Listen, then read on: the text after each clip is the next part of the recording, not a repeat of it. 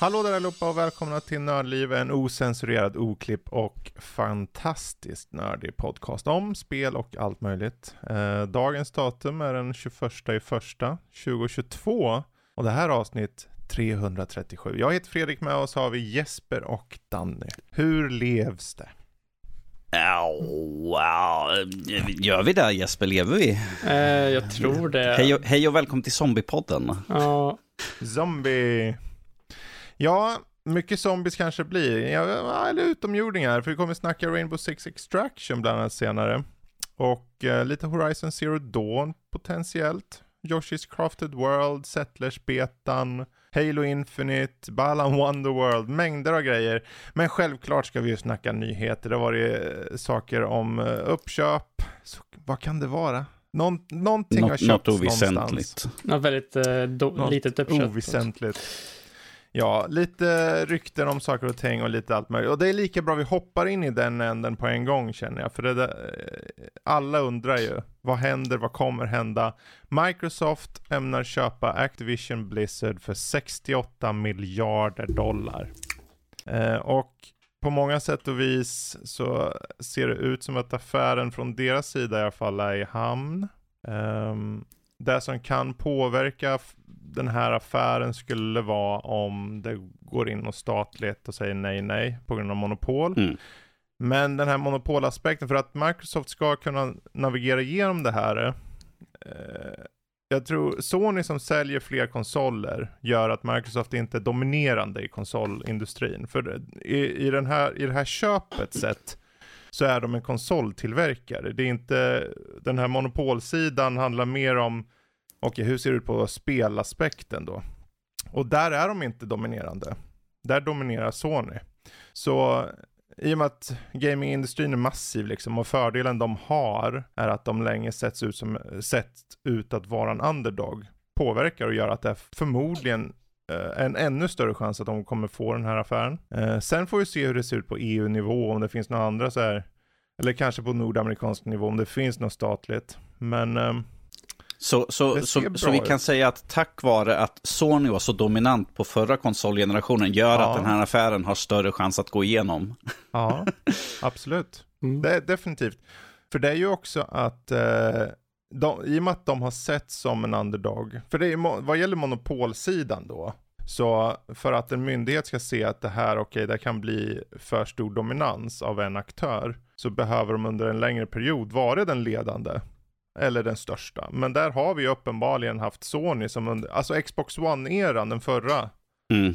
de blev ju sopade under mattan. De hade inga spel att komma med. De hade liksom ett svag lineup överlag. Och nu, nu kommer de igång på riktigt ställe. Så att eh, jag tror det, det, det, ser, det ser bra ut. Och eh, med all, jag, jag kan nog säga att det här kommer gå igenom. Ehm, sen vad som då, här är ju en intressanta då, vilka spel blir exklusiva? Vilka spel fortsätter att, att vara multiplattform? Eh, självklart kommer ju alla eventuella redan gjorda bindande avtal hos Activision Blizzard eh, fortsätta. Mm. Eh, och framförallt, affären kommer stängas juni 2023. Det kommer ta ett tag. Precis. Eh, Bobby Kotick kommer sitta kvar till 2023.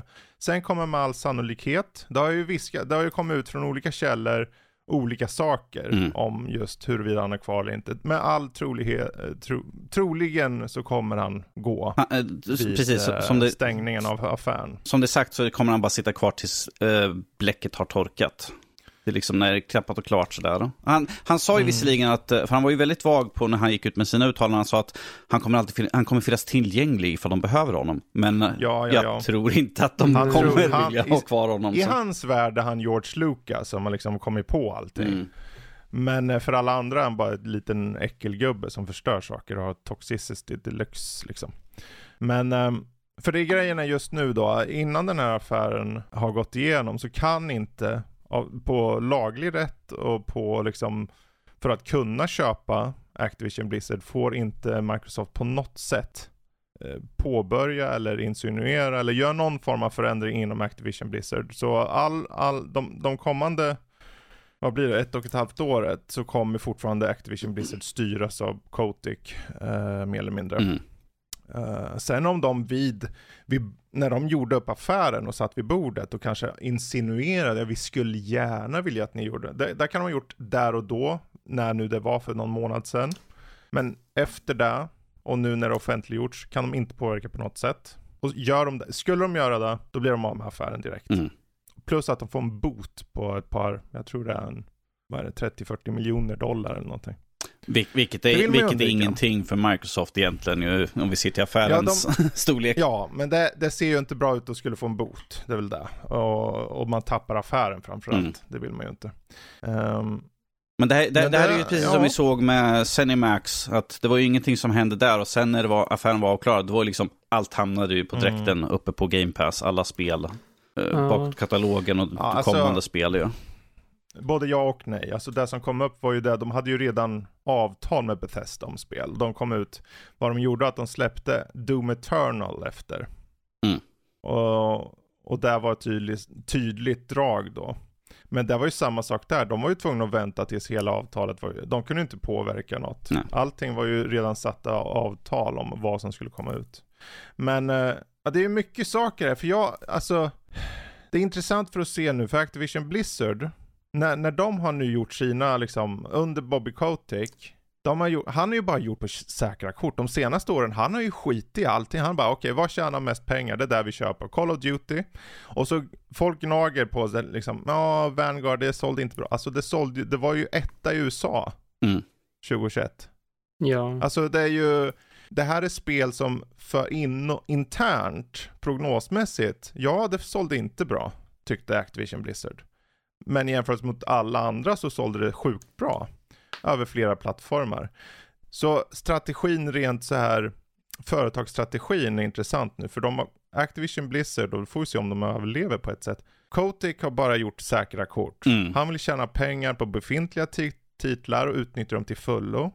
Och därför föll många gamla IPs bort. Men för Xbox, och det här är då efter affären stängs förhoppningsvis i juni 2023, så finns det en stor chans att vi kommer se väldigt många äldre gamla bekanta spel. För Xbox är ju mångfalden ännu viktigare. Mm. Tjäna pengar är ju såklart viktigt för dem också.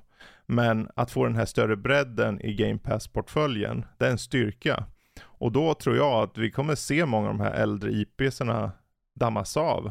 Uh... Lost Vikings. ja. Lost Vikings, precis. Oj. Ja, alltså varför inte? Lost Vikings är ett perfekt eh, tre, det är ju som Trine ungefär. Mm. Ja. Väldigt likt Trine, fast det gjordes för 30 år sedan. Det är så alltså, Men... tänk om de har typ Starcraft 2, World of Warcraft och eh, typ, ja, Overwatch och allt möjligt sånt där på Game Pass. Eh. Ja, ja, de, de kommer komma. Ja, men det... De kommer komma. Det, det enda som är, det som alla andra har haft problem med, och då säger jag alla andra, tänker ju egentligen på Sony då primärt, är ju att, eh, men kommer ni inte fortsätta ha kvar Overwatch eller Diablo på våra platser? Det, är de, det är ju satta avtal som har tagits fram i många år, så de, när, de kommande spelen kommer också komma där. Men att kunna ha och säga att Game Pass kommer ha Starcraft, kommer ha Diablo kommer ha COD potentiellt. COD är lite intressant. Kommer de vilja släppa det där? Är det för stor pengar kalv? Ja, det, vi får se. Men här, här precis som Cinemax gick de ut och sa att eh, vissa spel kommer säkerligen vara exklusiva, och vissa kommer mm. inte, men att komma skall. Vi får helt enkelt vänta in och se vad som sägs. För det var ju samma sak med Cinemax, att liksom, ja, en del spel kommer vara exklusiva, en del mm. kommer inte vara såklart. Men att vi tar ju efter spel, som, efter eh, vilket Precis. spel som släpps. Ja, men just den här exklusivitet, för att gå tillbaka, min poäng är i alla fall att allt som de har kommer komma på Game Pass mer eller mindre. Sen huruvida det också kommer till andra plattformar, ja, flera kommer nog göra det, sett till IPS. Men just att få den där bredden, för om du startar upp och får typ en ordentlig, du, de kan ju till och med göra någon form av emulatorgrej eller om det skulle behövas då på väldigt ti, tidiga titlar. Första Warcraft, går den att få igång? Mm. Eh, första Starcraft, första Diablo. Warcraft 3 typ, är väl ganska stort spel. Ja, Warcraft 3. Och sen så varför inte, jag menar Phil Spencer var ju också ute och sa liksom, ja alltså det, jag tyckte ju jättemycket om uh, Guitar Hero. Är det också? Det vore ju kul. Och häxen sa han till och med. Wow, jag har inte hört Peter länge. Ja, ja verkligen. Och då är det så här, alla de här studioserna, för det är ju inte, det är inte bara att de fick Activision Blizzard, de får ju alla studios under. Mm. Det är många studios, för om du, säger att de tillåter, tillåter, säg att de låter eh, några av de här studiosarna faktiskt göra något nytt för en gångs skull. ja. Stackars studio som manglar ut kod år ut och år in liksom. Det vore ju en nice eh, sätt till, ja men ni kanske inte behöver ha kod varje år. Om ni tar varannat år och låter en av studierna ta någon äldre titel, någon gammal, någon gammalt IP eller någonting nytt. Få liv i den studion, för de vill ju ha bredden för Game Pass. Win-win för dem.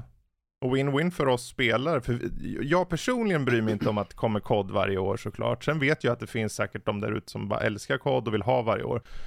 Och för all del. Men eh, jag ser inget problem med, ungefär som Ubisoft gjorde med att pausade Assassin. Och lät det gå lite längre tid. Jag tror skapa lite sug och få, få lite ny energi och göra en ny kod som som faktiskt nu är lite mer styrd av Xbox. Okej, vi vill gärna se det här. Ni behöver ha lite, lite mer umf. Mm. Eller vad man vill kalla det. Ja, jag om, ja, om de kommer porta typ World of Warcraft till Xbox. För det har varit snack om typ att det kanske kommer till konsol i framtiden. Uh, har det varit snack om jag det? Jag tror jag har hört någonting om ja, det. Jag har sett massor med folk som har skrivit på olika forum och sånt där. Kommer vi se World of Warcraft på konsol nu? Och fast World of Warcraft har ju bara, X bara... alltid varit PC där ju. Så ja. jag... Det där är ju bara för att Xbox är de som köper och alla automatiskt tänker Xbox som en konsol. Ja. Mm. Utan det, om de har det PC i PC-versionen av Xbox, det är ju en jättestor styrka. Jag tror det hindret de har, det är ju månadsavgiften. Mm. Ja. Vad då ska du ha den på Game Pass och betala en månad extra? Det kommer, folk kommer inte bli riktigt tända av det här kan jag säga. Utan där, då är det lika bra att de har en separat. Ja, jag tycker... Men om de hoppar in i Game Pass och slopar månadsavgiften. Mm. Och för in kanske några mikrotransaktioner eller någonting lite mer eller något. Måste ha någonting som lockar tillbaka spelarna från eh, Final Fantasy där. Något, något som jag tycker mm. är kul att nu äger de Crash Bandicoot. Ja. Och Crash Bandicoot, har, och Spyro, Crash Bandicoot, jag har alltid associerat dem med Playstation. Jag har alltid associerat det med skit. Ja, må så vara, men det är spel som jag associerar med, med Sony Playstation, så nu ja. är de Xbox-ägda. Spel Snart Xbox-ägda. Ja, ja, alla pratar om det. Jag ser ingen större, oh, what, so what, liksom. Det är, jag tycker bara att Diablo kommer komma rakt ut på Game Pass. Det är den stora grejen för mig. Ja, nej Fredrik, vi kommer att springa runt och leka ähm, sen. Jag menar, att de lyckas... Overwatch-publiken är ju stor. Och competitive är ju stort. Mm. Att ha Day One Awards exempelvis, om det blir, vi vet ju ingenting om de här titlarna såklart. Mm. Men självklart köper de inte för 70 miljarder dollar och inte kommer ha några rakt ut på Game Pass, om inte alla. Sen om några blir exklusiva, det är en annan fråga. Mm. Men eh, vad betyder det då att de här varumärkena kommer till Xbox-familjen så att säga? Vad tycker ni? Vad, vad betyder Nej. den här affären? Jo, alltså det det är ju ändå ganska stort och jag tänkte det som betyder mest är nog, det kanske inte är alla spelen nödvändigtvis utan företagskulturen och hur den kommer ändras på Activision Blizzard mm. för de anställda tänker jag överlag. Är det absolut mm. största och viktigaste tror jag. Att för med Bobby, med Bobby i uh, styret så har det ju varit mindre bra. Eh, om de lyckas få bort honom, eller i alla fall fixa så att med mm. Xbox mm. har väl överlag bättre företagskultur än just Activision Blizzard. Uh, bara Precis. av dem, så jag vet inte om de, deras policies och sånt kommer göra att Bobby ändå, även om man är kvar, kommer inte kunna göra precis som man mm. vill på det sättet. Nej, för att det, var, det är det som sagt när de utannonserar här att, eh, och många frågade honom det också efteråt, att Bobby Kotick, fram tills affären är klar, så sköter han allting där. Men efter affären, då svarar han till Phil Spencer. Och då, mm. någon som frågade, hur känns det att ha liksom svarat till Phil Spencer, liksom, att han är din chef. Han bara, ja, det kommer ju vara lite skumt sådär ju. Men att jag tror inte han kommer vara kvar så länge, att han kommer vara något orolig för den biten egentligen. Och plus att det här med, med uh, Microsoft har ju, de var ju väldigt noga med att det skulle vara inkluderat, det skulle vara liksom, det, att mm. Microsoft-kulturen skulle liksom komma ta in och ta över. Och jag tror att det kommer bli lite, säkerligen upprensning av folk och nya sty, uh, hur de sköter saker och ting. Fast den viktigaste mm. jag tror för uh, de, de uh, underliggande företagen som ligger under Activision Blizzard är stabilitet och pengar och resurser. Vilket gör att de kan faktiskt utveckla spel. För mm. jag tror Kotick sa det i någon intervju att ja, vi skulle vilja ha gjort det här, vi skulle vilja ha gjort det här, men vi har inte resurser, vi har inte personal, vi har inte pengar. Ja, fast det var ju skitsnack. Jo, jag vet. Ju, men att... Eh, det är om han vi... sätter ju nivå ja. och sen vill inte han gå över. Men för, de hade för, ju för, pengar. Precis. Men att Microsoft vill ju få bra spel som gör att mm. Game Pass blir ännu mer lukrativt. Uh, och de vill ha bredden av spel, så därför tror jag att de fler, uh, många av de här studierna kommer säkert få göra kanske deras passion project för att det är något nytt, mm. det är något mm. spännande, någonting som vi inte har sett. Det är inte samma gamla IPn som de bara pumpat ut Precis. under år. Precis. Det är det som jag ser som storheten just nu med mm. så många olika företag där som ligger under. Mm. Som kanske får chansen att nu får vi göra någonting som vi har velat göra men vi inte har kunnat för vi ska bara fortsätta göra Call of Duty år in år ut. Mm. Men det är som jag sa, låt dem ge, få lite paus från COD och kanske ta en tvåårscykel istället där du låter Raven Software kanske gå tillbaka och göra något annat. Mm. Exempelvis. För de här studierna, jag menar vissa av dem växt, växte jag upp med. Mm. Så. Uh, var jättestora på sin tid och sen så blev de bara ytterligare en kodstudio efter ett tag. Ja. Men, um, Skylanders. Och, och, och, och, vi kanske nu får att istället för att spel pumpas ut rakt upp och ner så här fort, fort, fort ut att när kommer spelet komma ut? When it's fucking ready. Mm. Att inte liksom, vi måste ha den här årliga cykeln, som Call of Duty, vi måste ha den årliga cykeln. Precis som du säger, att kanske låta dem ta ett steg ja. tillbaka. Kanske liksom arbeta in något nytt, försöka liksom förbättra, lyfta ju... upp spelet. Ja, sen är det ju såklart, jag menar det är ju treårscykler på kod. Mm. Så det är ju inte som att de trycks ut, alltså det är ju tre studios som släpper varsitt spel var tredje år. Men uh, jag tror att de behöver ju, sen är de, de kanske är så hängivna att de vill fortsätta, men jag tror det är bra för dem att veta, precis som du är inne på då, att kunna ha den där eh, vetskapen om att de kan testa något nytt. Att de är säkra för det. För det är ju, där många företag liksom är billion dollar företag så är Microsoft ett trillion dollar mm. företag. Det här är varför de kan göra, alltså Sony kan inte köpa för den här mängden. Jag, jag tror att jämför... Nintendo kan inte Nej, köpa. Eh, för Microsoft har ju liksom hela jävla PC-marknaden med Windows. Ja. Det är klart de sitter på enorma cash. Nu tänker jag dra lite siffror i arslet, men jag tror för mig att Nintendo var runt 60-70 miljarder. Sony var typ runt 150 miljarder, alltså vad de är, pengar de har liksom kunnat röra runt, medan Microsoft är trillion dollar. Så vi ser skillnaden mm. däremellan. Och att de kan göra 70 miljarder här nu köp. Mm. Det är ju ingenting för dem egentligen. På det stora hela, hur mycket de äger. De, de har ju, de lägger ut en, de har ju en budget, mm. alla de här företagen för uh, buyout. Ja. Uh, och det är den du är inne på där, för den, jag, jag har sett också cirkulera just bilder på just hur stor uh, budget de har på buyout, så den är uppenbarligen typ tio gånger så större än alla andra. Men det är ju så när de är så stora. Sen är ju frågan fördelar och nackdelar. Jag skulle gärna se att nu får det nog räcka med inköp. Ja, faktiskt. de får lugna sig ja, lite grann i alla fall. Alltså. Det... Ja, för det, om vi ser fler så blir det, alltså, det är ju en svår balansgång. Vad gäller just Activision Blizzard, jag tror för deras del så är det per, inte perfekt, men det är mycket bättre, precis som har varit inne på, det här med företagskulturen, behöver rensas upp. De hade ju sjunkit med fart, alltså Kotick hade ju sjunkit med fartyg och bara övergett i sista sekund. Mm. Han skulle inte ha gått. Nu får han ju till och med, han blir ju inte kickad. Nej. Han får, han får en jävla parachute på 400 miljoner dollar. Och han pratas bra om i media och så. Så han blir inte kickad, men det här är det enda sättet. Och på ett sätt så, inom situationstecken, så räddas i alla fall företagen. För Blizzard har hängt med länge. Det är ju Blizzard är ju så mycket PC för många. Och om du kan bibehålla den där och liksom låta det där varumärket fortsätta så, så, så är, det, då blir det en styrka, särskilt i portföljen för Xbox. Men eh, sett till nackdelar, då, om de blir för stora och det blir så här Ja, det, till slut så blir det ju bara tre stycken. Det är Sony, Nintendo och Xbox exempelvis. Mm.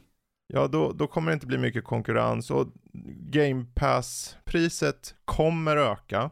De kommer ta ut det här någonstans. Det är ju, lägger de 60-70 miljarder, det är klart de kommer öka priset. Ni får räkna med att det kommer öka och kanske snabbare än man tror. Det. Kanske ser en ökning om ett halvår, ett år. Kommer det vara, precis, kommer det vara som Ubisoft-titlarna då undrar jag om det kommer vara att det är en eh, valfri summa att du får den här Ubisoft Plus-grejen till exempel. Eller kommer det vara att du måste betala det här för att ens ha Game Pass när det kommer?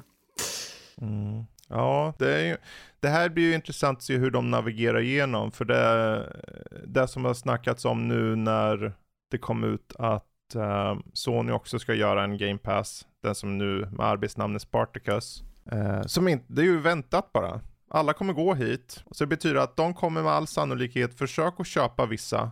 De vill ju, de, Sony går i sitt eget race. De kommer försöka köpa några studios men de kommer inte alls göra samma nivå av uppköp. För de, de sitter fortfarande på en bra bas av spel. Men kan de konkurrera om de faktiskt inte har den mängden? Sett till en sån här tjänst alltså. Det blir svårt tror jag. Jag tror vi pratade om det här sist när, vi, när, det, när det här kom upp. Det där om Sonys egna Game Pass-tjänst och Sony har inte lika stor bredd på spel. De har ju mer en trogen skara på ett par stora titlar. Ja. Medan Microsoft har alltså, just allt som finns på Game Pass, den mängden. Den. Ja. Men det är frågan liksom Men... kvalitet över kvantitet. Precis, precis så. För det, det Sony har är ju som du säger många hängivna och många så här, för de, de flesta vet att när Sony släpper ett spel, som att jag kanske inte tycker kanske inte är så intressant för mig med nästa Horizon. Mm. Men jag kan banne mig förstå och inse att det kommer med all sannolikhet vara väldigt välutvecklat och väldigt bra för de som gillar den typen av spel. Medan de kanske bara skiter ut spel på Game Pass som bara smiter förbi. Ibland är det bra spel, ibland är det dåliga spel. Det, det här är ju något, ingen vet. Det här är ju något som du och jag brukar prata om vid, eh, mm. vid sidan av podden. Så att du kommer så här, jag körde det här spelet, det är på Game Pass, jag har aldrig hört talas om det, men mm. gud vad kul det var. Men det är ingen som har utannonserat någonting om att de här spelen har kommit ut. Visst, går in på Precis. Game Pass kan du kolla liksom, vad är de nyaste spelen, så där, men att hur ofta går man in och kollar där? Vanligtvis tar man ju första sidan ja. så ser man liksom, vad finns för någonting jag är ute efter det här som jag hör utan någon. Men Sony kommer Exakt. kanske vara att God of War, Ragnarök, mm. är nu på våran Spartacus-tjänst här nu. Mm. Betala nu och få köra där liksom gratis för du betalar ju för tjänsten så får du köra. Eller Horizon Zero Dawn, uh, mm. nästa spel kommer också ut på deras tjänst. Det är liksom, vi tar ett exempel, Horizon, vi har God of War och uh, Spiderman oh. 2 till exempel där. De, det är tre spel medan på samma tid som det släpps så kanske Microsoft har några storspel och sen en miljon massa småspel som släpps kontinuerligt hela tiden. Jag kom på mm. ett uppköp som Sony skulle kunna möjligtvis kanske göra som är ganska stort och det är nog Square Enix. Mm. För de har ju redan exklusiviteter en del där i med Forspoken och Final Fantasy 16. Och de har under väldigt lång tid haft väldigt många titlar som har varit till från början Playstation-spel. Uh, Final Fantasy-serien sen sjuan har ju varit typ associerats många med Playstation mm. och Kingdom Hearts har varit Playstation och allt, ja.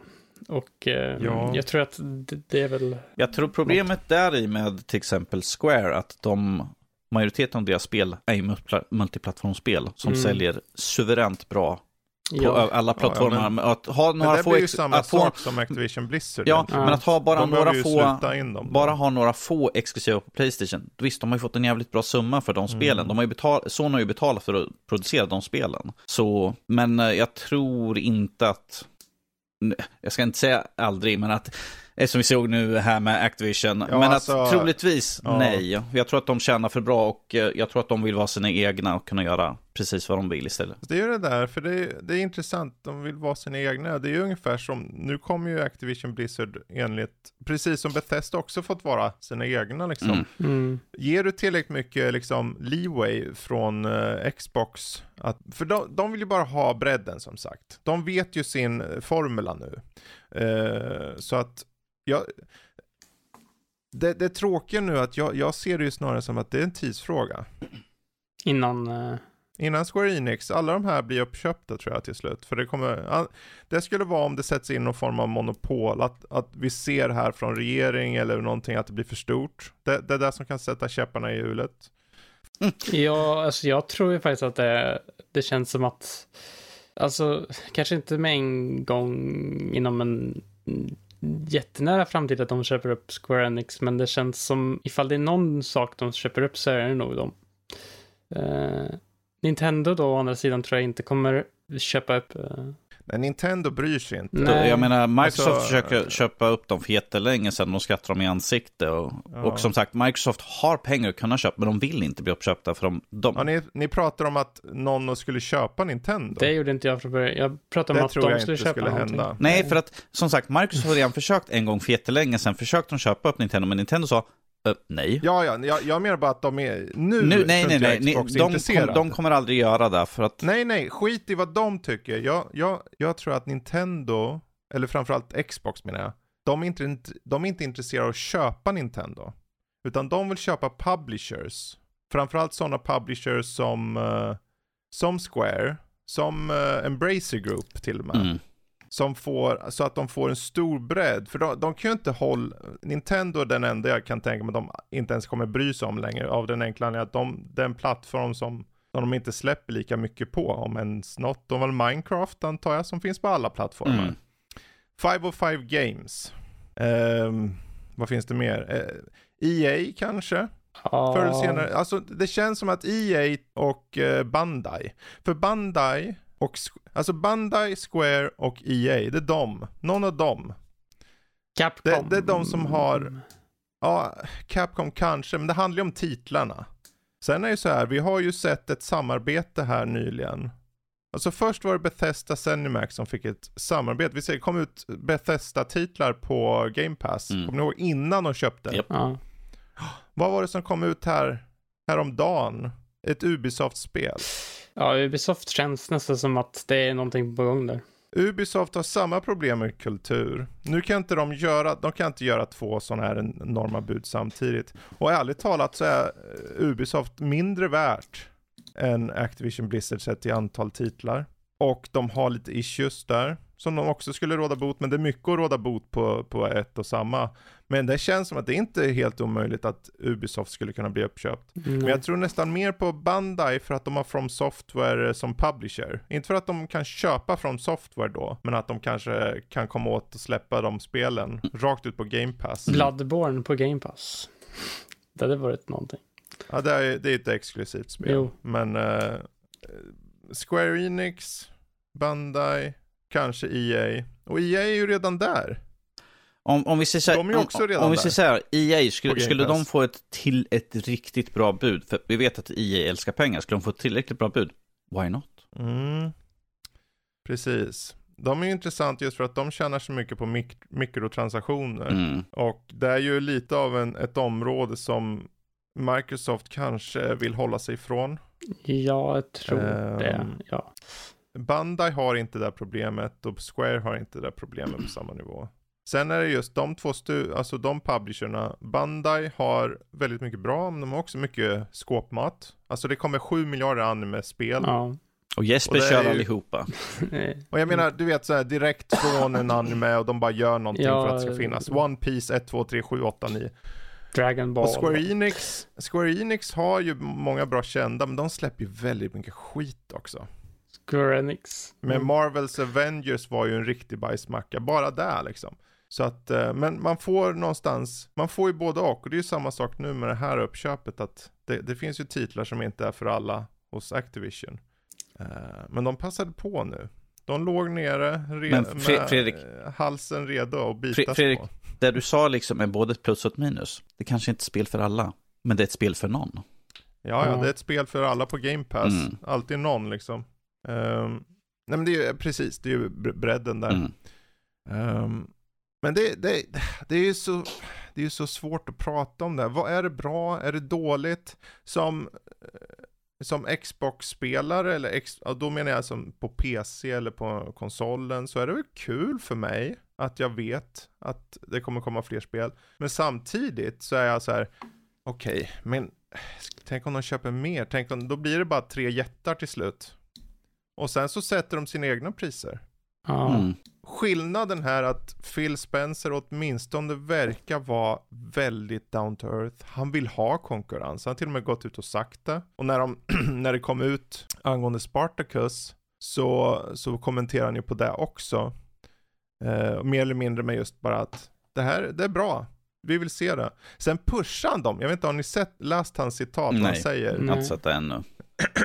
Han, han sa följande angående då Sp- Spartacus. Um, I like it because it feeds our energy on what are the next things that we should be working on as we continue to build out the things that we've done in the past. Because I think the right answer is to ship great games, ship them on PC, ship them, ship them on console, ship them to on cloud, make them available day one on subs- in the subscri- subscription, and I expect that's what our competitor will do. Så när han säger det, så det är ju så här, om du ska gå in i gamet nu Sony, det, han, är väldigt, han är väldigt rak och, och schysst. Han säger vi fokuserar på kvalitet, vi vill få skepp, skepp, skeppa dem på PC, vi vill skeppa dem på konsol, ut i molnet, alla ska spela och, och precis som alla andra, precis som våra motståndare så ska det ju vara day one. Ja. Mm. Kan Sony släppa day one sina spel? Kan, kan de? Vill de? Jag vet inte. Och om de inte går all in på, på sin subscription, då fallerar den. Mm. De måste ha något, det här har ju vi pratat om förut, de måste ha något unikt med det. Ja. Om de inte har Day One-spel, vad har de då? Då har de Playstation Now återigen bara. Gamla spel som förvisso är bra, men om du ska betala x antal kronor i månaden och du vet att du får nya spel, både indiespel och AAA-spel på, på Game Pass, och du typ får God of War två år efter dess release. Jag tar Game Pass. Mm. Ja. Varför skulle jag inte ta, varför skulle jag ta Playstation om de inte släpper Day One? Jag, jag, om de, nu när Xbox har, de har satt formen. Om vi inte har minst samma nivå eller gör något helt annorlunda, vad, vad, ska, vad ska de göra? Och det, Och och särskilt det, när han säger det där också. Make them available day one in the subscription and I expect that's what our competitor will do. Han säger det för att det sätter dem att om de inte gör det, vad, då, då, då sjunker och de. återigen har vi det här problemet för Sony att de har inte lika många spel som släpps hela tiden, alltså deras first party där. Nej. Och de vill de såklart klämma ut varenda lilla krona på från Mm. alla hundra miljoner användare. Ifall de köper en kopia så tjänar de mer än att de släpper ett day one på, på en, deras game pass som de Mm. kanske får en bråkdel av summan tillbaka på i, i det långa loppet. Precis. Ju. Jag tror inte det- att, jag, jag, det skulle vara svårt att tro att alla de spelen kommer släppas day one som de har. Eh, det känns, alltså de tjänar ju väldigt mycket på att ha de här hö- höga priserna redan nu Mm. på, det är typ 799 för ett typ nytt PS5-spel. Mm. Och att de skulle släppa det. Det är ju det är ju hårt mot hårt. Mm. Det är ju vad, vad, vad han lägger upp här. Han säger på ett schysst sätt, liksom, och det är klart att eh, man kommer ha Day One, tycker han. Och det kanske inte Playstation gör. Vad, vad ska man säga? Nej, vi vill inte ha Day One. Då kommer ju alla säga, ja, då vill inte jag ha tjänsten. Ska vi se. Utan det finns en sak Sony kan göra, uppköp. Mm. De behöver köpa eller binda eller skapa samarbeten eller koppla sig mot små indieutvecklare, mellanstora. Alltså jag, jag, jag tänker Embracer Group som jag nämnde förut, Mm. som har många IPs. Capcom, Sega, Konami, Square. De behöver få in dem. Och de behöver få dem att bli, tyvärr, exklusiva. I så fall. Om de ska i alla fall, jag säger inte att jag vill det här, jag säger bara att om de ska nå samma nivå så behöver de det. Jag, jag, jag, jag tycker det är kul för att vi sitter och pratar om det här exklusiva, att det kommer vara exklusivt. Och jag tänker slänga ut det som jag alltid brukar säga att folk gnäller liksom, ja ah, men det är uppköpt utav Microsoft då kommer de att ha, alla spel kommer bli exklusiva. Mm. Men hade Sony köpt spelen, då vet du fan mig att spelen kommer, ku- skulle blivit exklusiv på konsol bara och sen om typ 3-4 år, kanske på PC. Mm. Sony hade aldrig släppt det till Xbox, till PC på något sätt, alltså förutom till eh, Epic, eftersom de äger en del utav det. Ja, alltså där kan jag, de, kommer ju, de har ju släppt snabbare och snabbare releaser så jag tror att de kommer börja släppa Day One snart Mm.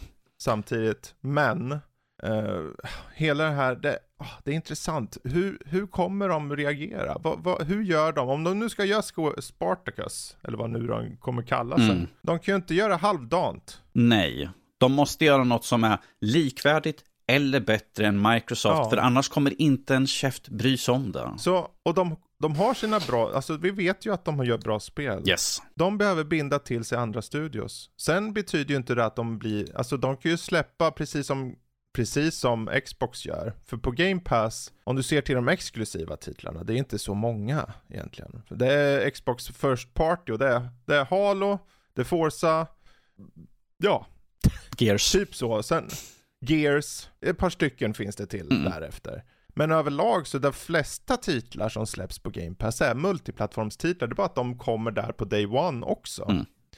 Så vad händer då att de får det här samarbetet med en studio som Day One släpper sitt spel på Game Pass, men också på Sony Spartacus.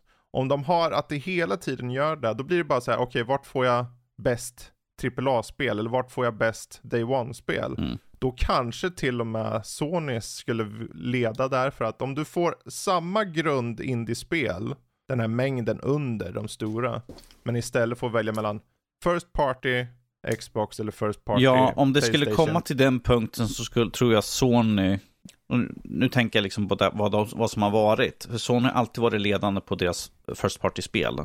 Det är det som har sålt in folk hos Playstation, de här exklusiva titlarna som de har haft. Mm. Som har varit så stora, så, väldigt ledande, medan Halo har sackat efter för att de inte haft lika stora spel. Mm. Men att nu med eh, Microsofts alla uppköp på alla stora titlar så kommer Mm. de kom, snabbt komma ifatt. Visst, Sony har fortfarande några fantastiska titlar som komma skall. Som jag är glad att jag har en Playstation så att jag kan köra dem. För det är bara där jag kommer kunna köra dem.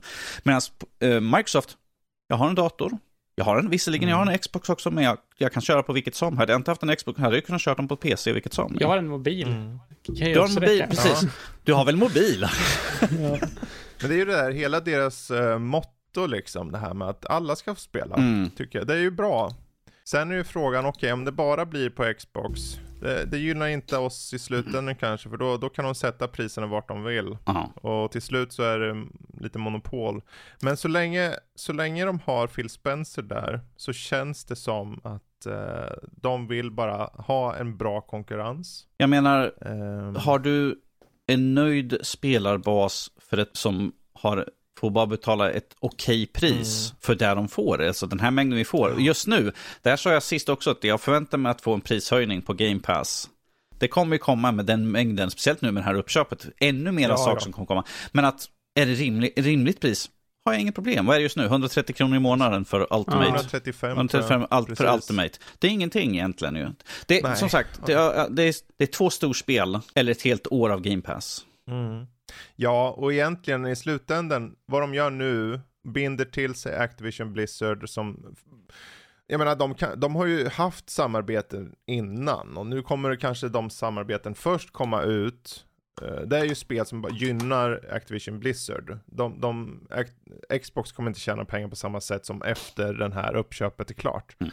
Men eh, det kommer komma lite spel, precis som Ubisoft-spel blir introducerade, som eh, eh, jag vet inte, det var någon mer också som kom till, ja det var ju Bethesda såklart. Mm. Ehm, så det är ju det är intressant att se. Det, det, jag vet inte, det, jag tycker det, det är sjukt spännande allt det här. Det var, jag går så här fram och tillbaka, okej men hur blir det med det här, hur blir det med det här?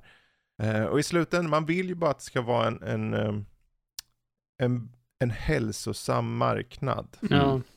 Fast, Så att det inte sitter i någon fälla med att det är för mycket hos en liksom. Ehm, jag, jag, jag, jag vet inte hur många sådana här eh, på Twitter, på Facebook, sådana här massvis med frå- frågeställningen. Eh, eh, ska de göra allting exklusivt? Eh, var det ett bra uppköp och allt Mm. sånt där? Personligen, jag skulle säga så här, gör det exklusivt. För att du har ju fortfarande konsol, PC, Ja. mobil. ja, Den, Alltså det- den en, om vi säger så här, den enda som egentligen förlorar är den som enbart sitter på en Playstation. Ja. Men hur många är det som Den, bara eh, sitter på en plattform? ju, precis, sen kommer det gå många år innan, som kod, vi kommer ha minst två eller tre kod efter uppköpet ska jag tänka mig som är multi. Mm. Och sen så har vi Diablo ska vara multi, fyran då. Det här är ju precis som eh, när Um. Cinemax köptes upp, eh, Bethesdas spel uh, Ghostwire. Tokyo som är det sista spel som kommer släppas Ja, på multi. Eller till Sen är det Playstation ju då. så, Ja. förr senare, precis som du är inne på, förr senare tar det slut. Och då, då är det ju såklart att om någon lägger 70 miljarder på något, det är inte som att de, ja men det ger vi bort till andra. Så att eh, Diablo 5, exklusivt på, kons- på Xbox, ja. Eh, COD om tre år, exklusivt kanske, Men då, kanske inte. Visst, visst Men, jag, jag ehm, kan ju se att eh, spel som till exempel Call of Duty, uh, stor publik på Playstation där också, Mm. massvis med pengar tjänar, men att de som enbart spelar på Playstation, de kommer ju vilja spela det, de kommer ju köpa det då. Mm. Och de som kör det på Xbox, de har säkert Game Pass och då, då, då kan de köra Mm. vilket som. Så att det, då, jag tror att på den punkten så tror jag att vissa titlar kommer vara oundvikligt att vi måste ha på flera plattformar för att det är en sån inkomstbringande Mm. produkt. Det, det som är det, det roliga här är att det är, ju- det är ju ett mindset. Så om du, du har en spelare och du berättar, okej, här har du en tjänst. De köpte, den här, de som har den här tjänsten, de köpte de här företaget. Så att de äger snart det här. Spelen kommer komma multiplattform, men vad den spelaren eller den personen tänker, aha, så om jag har den tjänsten, då kanske jag får de spelen sen? I slutändan, det är alltså, eh, du drar in spelare bara genom att göra den här affären. Du får folk att tänka i de här banorna att ja men jag kanske redan nu ska ta Game Pass då. För de, de var, det var, blev utannonserat att de har nått 25 miljoner eh, sub, subscriptions, alltså prenumeranter Mm. på Game Pass. Och bara den här affären kommer sannolikt bringa in mängder med spelare som bara tar det för att ja men det kommer ju massor med bra spel. Det, det handlar ju om värde för pengarna. Ja. Vem vill, det kanske når en värld där vi sitter och bara, va? Ska jag betala mer än 400 för ett spel? Jag har ju en hel, ett collage av spel här. Det kanske blir vardag. Och då, då går vi all digital. Finns det, några, finns det ens någon skäl för dem om fyra, fem år när Microsoft bara har på Game Pass allting? Mm. Finns det ens skäl för dem att ha fysiskt då? För de vill ju binda dig till tjänsten. Vill vi gå dit? Det är dit vi rör oss. Vi har ju rört oss sakta men säkert under åren som har gått ju så. Ja. Så det, det är så här, för varje sak som ser bra ut så känns det så här, ah, det är också något som kan, är tråkigt. Vi tappar saker jäms med resans väg också potentiellt. Jag, jag hoppas ju inte att vi kommer gå ända, att det finns fortfarande att man kan få fysiskt. Jag tar det här som exempel, när jag köpte Assassin's Creed Valhalla, så, kom, så skrev de, kom det utskickat att ja, men du har köpt den här och eh, du kommer inte få med någon skiva. Jag bara, vänta, det stod, det stod att det skulle vara en skiva på hemsidan när jag köpte. Så jag, jag, uppenbarligen var det inte bara jag som skrev och sa liksom, hallå ursäkta mig, jag vill ha min skiva, jag är samlare, jag samlar på de här spelen så jag vill ha min skiva, liksom, vad är det som pågår? För att jag betalar för att få hela paketet. Och uppenbarligen hade så många skrivit och beklagat sig till dem att de nu har liksom att du kan välja antingen skivversion eller digital version. Alltså du får Collector's Edition som jag brukar köpa. Du får liksom samlarutgåvan men du får liksom ingen, ingen skiva. Du får ju en steelbook. Jag ser massvis med spel som säljer liksom, du får med en steelbook men att det är bara digitala koder. Yes Jesper? Precis som med Horizon Forbidden Wests eh, specialutgåva. Yes. Exakt likadant. Du får en steelbook, du får en eh, typ stor eh, elefant, dinosaurie eller vad det är. Men du, Ja. får, du, du får ingen fysisk kopia, du får en digital kod. Jag tycker det är så jättekonstigt. För det är, alltså collectors, folk som köper collectors edition vill ju ha på en skiva med en liksom konkret skivgrej. Allting handlar ju om att du är van vid någonting. Ja. Om du fortsätter att vara van, förr eller senare om du bara får digitalt så blir du van. Ja. Mm. För jag tror det som du berättar nu, det är snarare bekräftelsen. För om du, det var ju hur många var det då som inte hörde av sig? Mm. De fick digitalt. De, att de tar det steget är ju en tydlig riktning.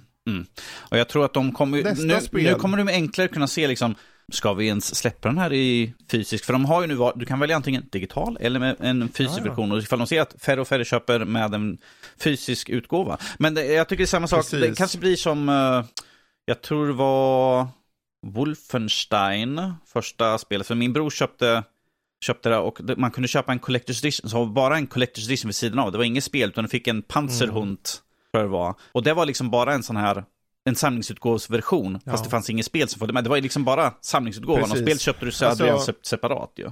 På PC har det ju varit så här i 5-10 år nu. Mm. Det är ju inget nytt. Det är bara på konsol har det inte varit det. Men allting, ju mer vi har, riktar in så på tjänsten här, Mm. eller tjänsterna, desto större, om de slipper ha det här företaget som måste köpa in en mängd fysiska skivor, ta sin katt, Ja. Och sen ska det vara fraktkostnader och det ska vara dis- distributionsavgifter och det ska vara tillverkningskostnader. Om de slipper det, tror ni, kommer tror ni de vill ha det? Nej. För det blir pengar rakt ner i fickan hos Sony istället. Skippa, skippa mellanman, skippa extra kostnader där. Liksom, du, skick, Det- du, du skickar ut en kod. Självklart. De, för, för, för, de har kvar det för att det är vad folk annars kommer ut och buar om. Men ju färre som varje gång buar, desto större chans att det fortsätter. Mm.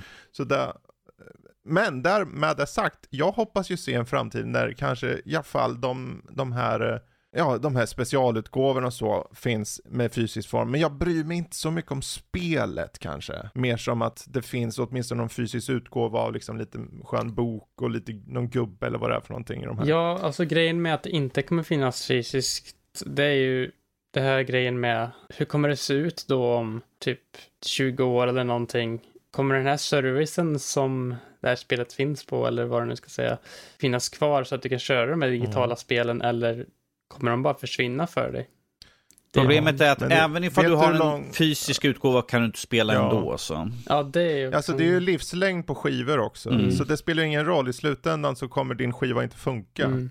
I slutändan kommer din nästa konsol inte ha en vanlig Blu-ray. Det kommer vara vad nu den nya tekniken heter. Ja. Så det, förr eller senare kommer vi ifrån det i alla fall. Jag har massor med PC-spel som jag inte kan köra. Även, ifall du, det är- även ifall du har, kanske har att ja, men jag kan installera på min konsol, men det finns ingen service till att du kommer i så fall bara ha 1.0, som kanske är Ja, hemskt buggigt. och det är ju så här varje ny generation av konsoler. Jag menar, se hur många, äh, finns alla Xbox 360-spel på Xbox One och Mm, Nope. Nej, Seriously? inte Nej. riktigt. alla. Nej. nej. Det är ett urval är det. Ja. Så redan där, om du inte har en 360 och du har ett 360-spel, det är bara, vad ska du göra med den? Du får stå och damma, du kan ju inte spela Nej. Ja, skönt att jag har det. Så, eh, vi kom, men det här är ju en annan diskussion. Yes. är det. Men det är, oavsett, om vi tänker, vi går tillbaka till en sista grej nu angående just det här. Vad, va, vad tänker ni då om eh, spelen som Activision Blizzard har i bagaget? Finns det några schyssta spel? Ja, men det här vore kul att se. Eller, eh, för det är ju inte bara en fråga om, okej, det här gamla IP, det vore kul om de dammar av. Vilken studio kan ta hand om vilket spel? Vilken motor kan gå till någon annanstans inom Xbox? Motorerna för, ehm, för det är flera motorer för COD, trot eller ej. Eh, två olika motorer, det, minst. Eh, det, det finns sådana möjligheter här bara. Ja. Alltså... Ja, ja du. Um, jag menar till exempel, eh, vi har ju, ja det kan vi inte göra någonting på när jag tänker efter. Det, skit i den. Eh, om vi tar till exempel, de har ju Skylanders, kom upp med det igen. Sälja, ifall de vill tjäna pengar på fysiska saker, Skylander, Mm. figurer ju. Jag vet ju att det är massvis här i Nördliv som har haft Skylander och, liknande. Och, och en del, Ja. Jesper har ju, du har ju till exempel de här Nintendo Amiibos? Nej. Ja, precis, Amiibos, där, så att sånt säljer ju liksom ifall du har några coola samlarfigurer på Jag det hade sättet. Skylanders Ja, också. så Amiibos säljer. Skylanders dog ju ut. Ja, men att och det ifall dog ut med rätta. Ja, men ifall det kommer något nytt med, baserat på Ja. deras spelkaraktärer kanske. Ja, alltså de skulle kunna Ja, göra ett nytt. Skylanders, fast inte Skylanders med leksaksfigurer kanske, men att de tar vidare det där universumet och de, eh, eh, vad heter det, typ stories och sånt utifrån Skylanders. För att jag vet inte om, eh, ifall det ska komma på Game Pass och grejer, så känns det verkligen inte typ som att Skylanders skulle vara ett av de spel som kommer, för att det, kräver ju att du har en platta med figurer på som du köper och det kan ju inte Mm. de liksom tro att du har när du eh, sitter på en Game Pass bara. Ja, nej jag tror nog inte så mycket på Skylanders. Jag skulle nog snarare tro mer på att de här riktigt gamla IPsarna som, som gjordes för länge sedan, typ Pitfall eller eh, eh, Zork eller precis som du sa förut Jesper, Lost Vikings. Man kan tycka det här, är- men sätt det på någon skön indie-studio Mm. och släpp ett nytt Heretic eller Gun nu när alla vill ha sådana här eh, western shooters Ska liksom. vi göra Matt och Emil glada? Fantasmagoria. Nytt. Är det Activision? Jag har det på eh, lista här på, på IPn de äger, så Fantasmagoria. Okej. Ja, för all del. Jag menar, vi, vi har ju... Det känns som att det är något Xbox kanske, men varför inte? Ja, men, eh, som sagt, häxen nämnde vi förut. Jag skulle Mm. väldigt gärna se häxen i alla Doom ny version på det. Ja, det skulle, det skulle vara väldigt coolt. Och där har vi det ju. Vilka är under eh, Xbox? id Software. Ja. och Raven nu. Mm. Och alla de som gjorde Hexen och Heretic och alla de här. Det vore ju helt så här jätteroligt. Och det no, var det här, i slutändan, vi, vi sitter ju här och ponerar saker och ting fram och tillbaka. Vi sitter inte med svaren på allt. Och vi har säkert gjort något, sagt något fel hit och dit. Jag brukar göra det, det liksom, vanligtvis ändå. Vi, vi ponerar, vi ponerar. Men det är ju, det är ju bara så, man blir så uppfylld av det här. Jag blir så här, okej, okay, men vad tänk om det här och tänk om det här. För om de kan göra en affär som är det här, det här är den största affären på en av de största publisherna. Det finns inget som säger att de inte kan köpa de andra nu. Det finns ingenting. Jag skulle säga att det är nästan en tidsfråga innan någon köper de andra. När är frågan. Och vilken titel är de ute efter? För oftast när det handlar om de här, för Xbox, de, ja de går ut efter att få en helhet, men de troligtvis var ute efter till exempel COD. Ja. Framförallt. Oj. COD är sjukt lukrativt. Och ska vi se till exempel, som vi pratar väldigt mycket om, Square, Final Fantasy IPn. Ja, mm. den är ju jag menar, som sagt just nu, Final Fantasy 14 är ju det största MMO just nu eller? Jag tror World of Warcraft har tappat den tronen ganska radikalt.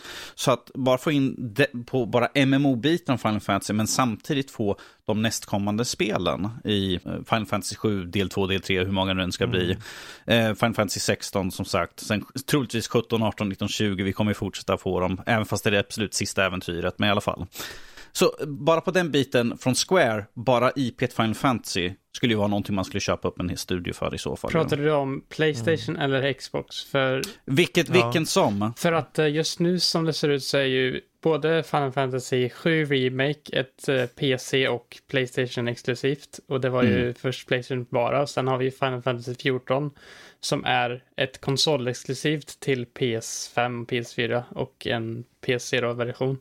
Eh, samt Final Fantasy 16 som också kommer vara ett konsolexklusivt spel till Playstation eh, och även släppas på Epic. Och sen också Forspoken som är också typ eh, på sätt och vis Final Fantasy för att det om, är om ju om vi... Eh, samma typ som gjorde Final Fantasy 15. Så att... Om vi säger att Microsoft skulle köpa upp Square att de där existerar, det skulle ju inte spela någon roll för dem. För att vi har ju som sagt Ghostwire som är exklusivt mm. för Playstation nu, som görs utav en Microsoft-studio.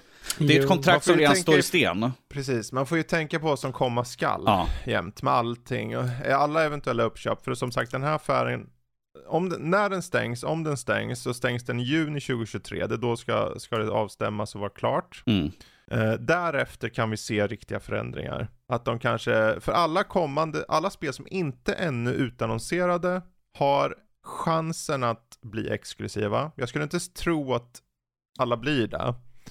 Men säg att, en, säg att 30% blir exklusiva. Mm. Så är det ändå liksom en stor hög spel som folk bara tänker, jaha, Game Pass for the win. Eller något sånt. Och sen, sen är det bara en fråga om hur, som vi var inne på förut, hur kontrar Sony? Kommer de kontra? De har redan kontrat och sagt att de ska minsann ha en subscription och de var tvungna att gå ut och kommentera angående just eh, att eh, spelen minsann kommer vara multiplattform. För de kommenterar ju uppköpet. Mm. De spel som vi vet om. Ja. Men det är ju det är ju en framtid därefter och den är helt Just nu så kommer, alltså jag vi är, vi är nog alla med på samma där, att det kommer ju bli exklusiva spel och det kommer gynna Xbox. Annars skulle de inte ha lagt 70 miljarder dollar. Mm. Nej.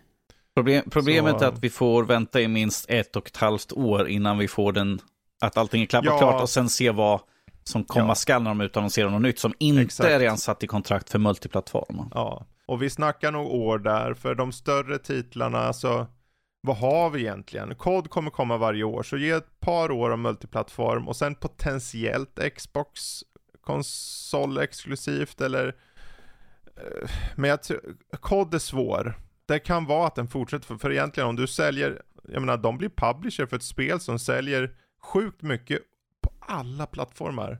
Det är ju pengar om de har det så att det släpps på Game Pass också så får du bara också folk in på Game Pass samtidigt som det säljer bra på andra konsoler. Så win-win. Diablo. Diablo är ju ursprungligen, när, när, vi växte upp i alla fall, så var det ju super-PC. Mm. nu för tiden, det har ju släppts konsol. Ja, därför Trean kom på konsol. Det var därför det var så skumt att spela tvåan, remastern, på Playstation. Ja.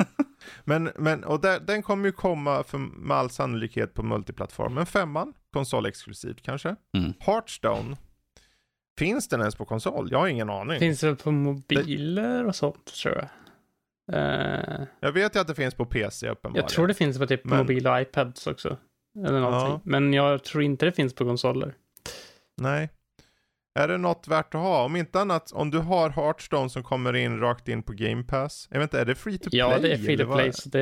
ja. Men, ja. ja, ja, men lås det, lås det till, till Xbox-upplevelsen, alltså Game Pass-upplevelsen, så måste du få användarna att använda sig av tjänsten. Tony Hawk.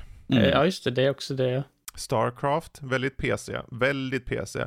Om det kommer på konsol alltså, blir jag förvånad. det kommer ju typ inte fungera. För du måste ju ha alla knapparna på en tangentbord och mus, tänker men, jag. Men grejen är att du kan ju plugga in ett tangentbord och mus till din Xbox ju så. Mm. Det kan man ju göra. Men då, om man ändå sitter med det, då kan man ju sitta Precis, kan man lika sitta. Ja, om du, för, om du förutsätter ja. att du inte äger en PC då vill säga. Sen uh, Warcraft och World of Warcraft. WoW, jag tvivlar på att de har något intresse av att få ut på konsol just nu. De har ju dalat lite med siffrorna, men det har ju gått, alltså de ligger på 8 miljoner subs. Det är inte fy skam att tjäna x antal miljoner i, i månaden där. Så där, där, där tjänar de tillbaka pengar. Sen hur de väver in det i sina tjänster återstår att se. Warcraft, gamla titlar, få in på Game Pass. Overwatch, de har en competitive shooter som många tycker om. Den kommer fortsätta också förmodligen vara multiplattform. Uh, uh, för tvåan kommer snart. Undrar om tvåan blir dag ett på Game Pass. För, uh, ja, för tvåan, alltså det, det beror på när släppet Det är så skumt med tvåan, för vi har hört om tvåan så är det typ nästan exakt samma spel plus en single player-kampanj. Uh, det enda att de ändrat typ lite grann på typ karaktärsdesigner och sånt i spelet, men uh, mm. det är samma abilities i allt, för du skulle kunna köra crossplay med ettan. Liksom. Mm. Det, det låter som att de bara har Ja, sen kan det ju vara att ja. det, det spelet släpps innan den här affären har gått igenom. Det är ett ett väldigt bra fråga där, för att det var ju en grej med där med Activision Blizzard. Det skulle ju släpps i år, var ju tanken. Som, mm. här står det Overwatch 2 targeting Summer 2022 August Ja. Var det nu eller var ja. det förut? För att de ändrar ju, de eh, sköt ju upp både det och Diablo 4 när det gick som det gick. För... Den, här, den här mm. rapporteringen mm. var för fyra dagar sedan. Eh, okay, okay. Så. En kul liten uh, sak här är att om nu Xbox kommer in, bara skjuter in pengar och vill förändra, placera sina liksom anställda eller ledartyper på Activision vad det lider så, så, så kanske just nu, nu, nu, vet jag inte hur mycket det hinner påverka på ett och ett halvt år, men jag tänker att det kommer speeda upp kanske till och med processen på vissa spel. Uh, I alla fall då, från vid sjösättningen av det här liksom uppköpet. Uh, så man tänker att ja men det kanske är tre år till spelet X, ja men det är bara för att de har haft problem med Activision Blizzard. Mm. Men det kanske då löses li lite bättre. Och efter mergen så kanske liksom, ja, kanske back on track lite bättre då. Kanske bara ett år. Ifall, år. ifall, man, kan, ifall man kan arbeta i lugn och ro och inte behöva tänka på vilket skitjobb man har och de personer man jobbar för. Mm. Så tror jag att det kommer, det kommer ju fria upp väldigt mycket och en nöjd, en nöjd arbetare är en god arbetare. Ja, precis. Så. Framförallt så har ju folk flytt Activision Blizzard som i drivor. Yes. Så att, så att nu med Xbox eh, som snart, om ett och ett halvt år i alla fall, kommer äga det.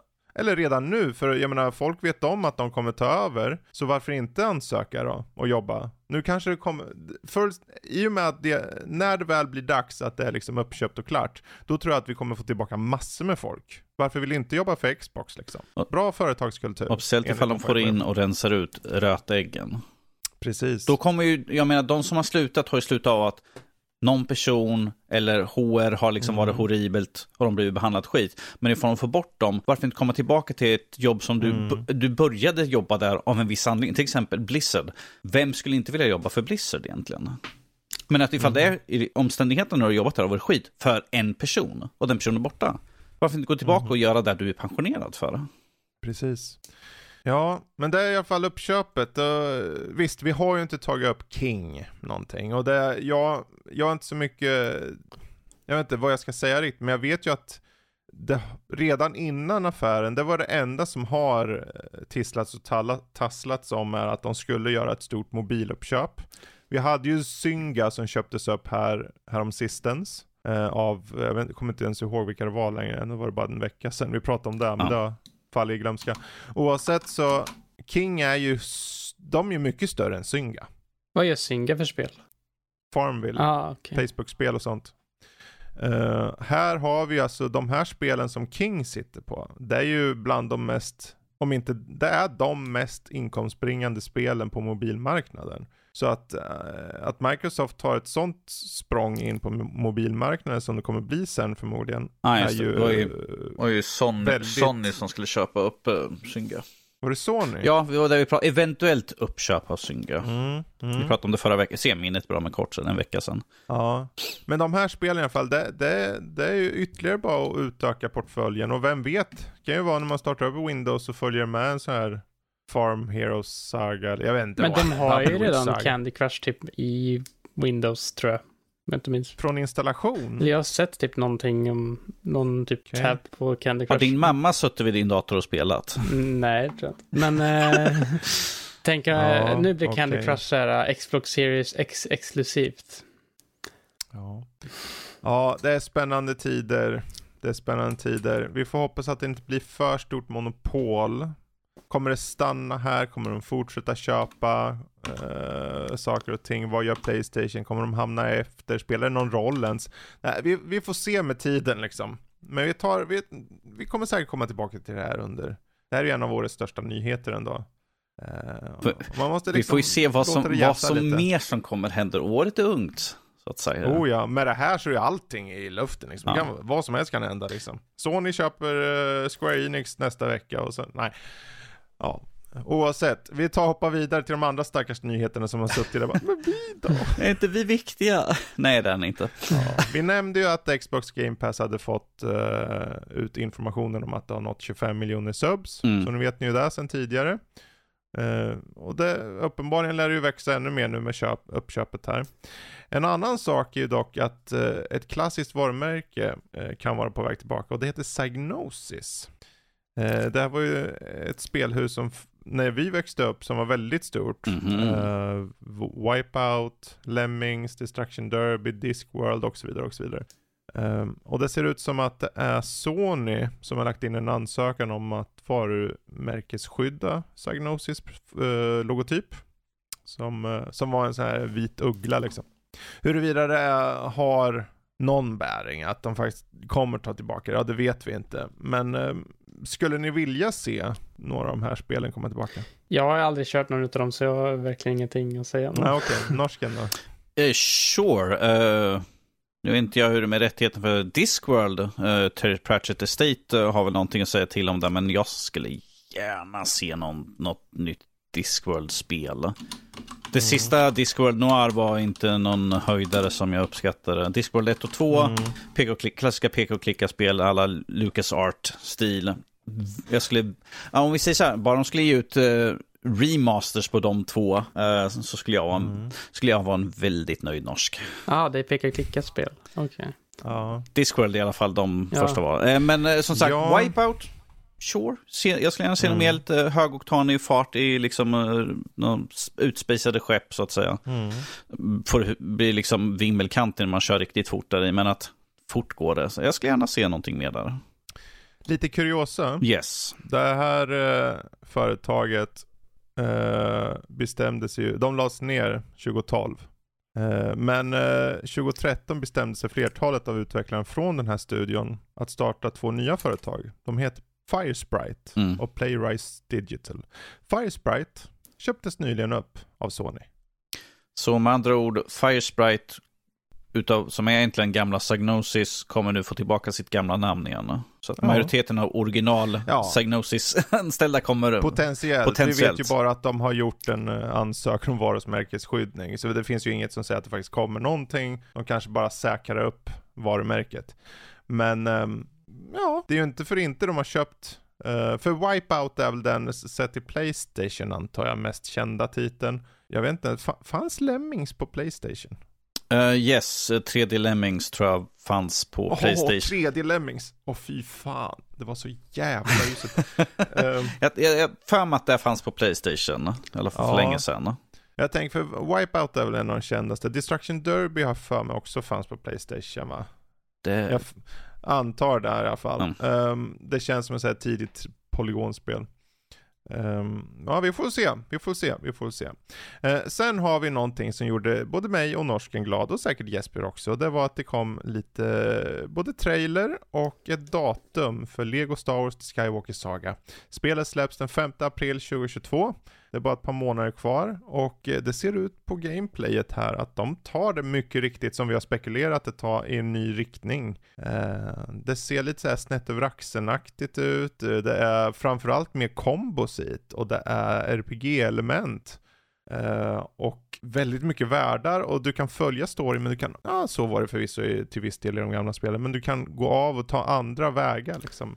Alltså, det, ja, Jesper. Det ser ut som typ att i combaten, lite som att typ Platinum Games har eh, blandats med typ så här eh, Lucas Art, eller vilka är det som gör Lego-spelen? Eh, Travelers Tales. Travelers Tales, ja, just det, så heter de. Eh, men det ser verkligen ut som att de har tagit nästan så här typ ett trippel A-approach mer än vanligt med stealth-mekaniker, med RPG-element, typ massa skill trees och sidequests och allt möjligt nästan. Och det är verkligen mm. en högre nivå på interaktivitet med världen ser ut som än de andra mm. legospelen.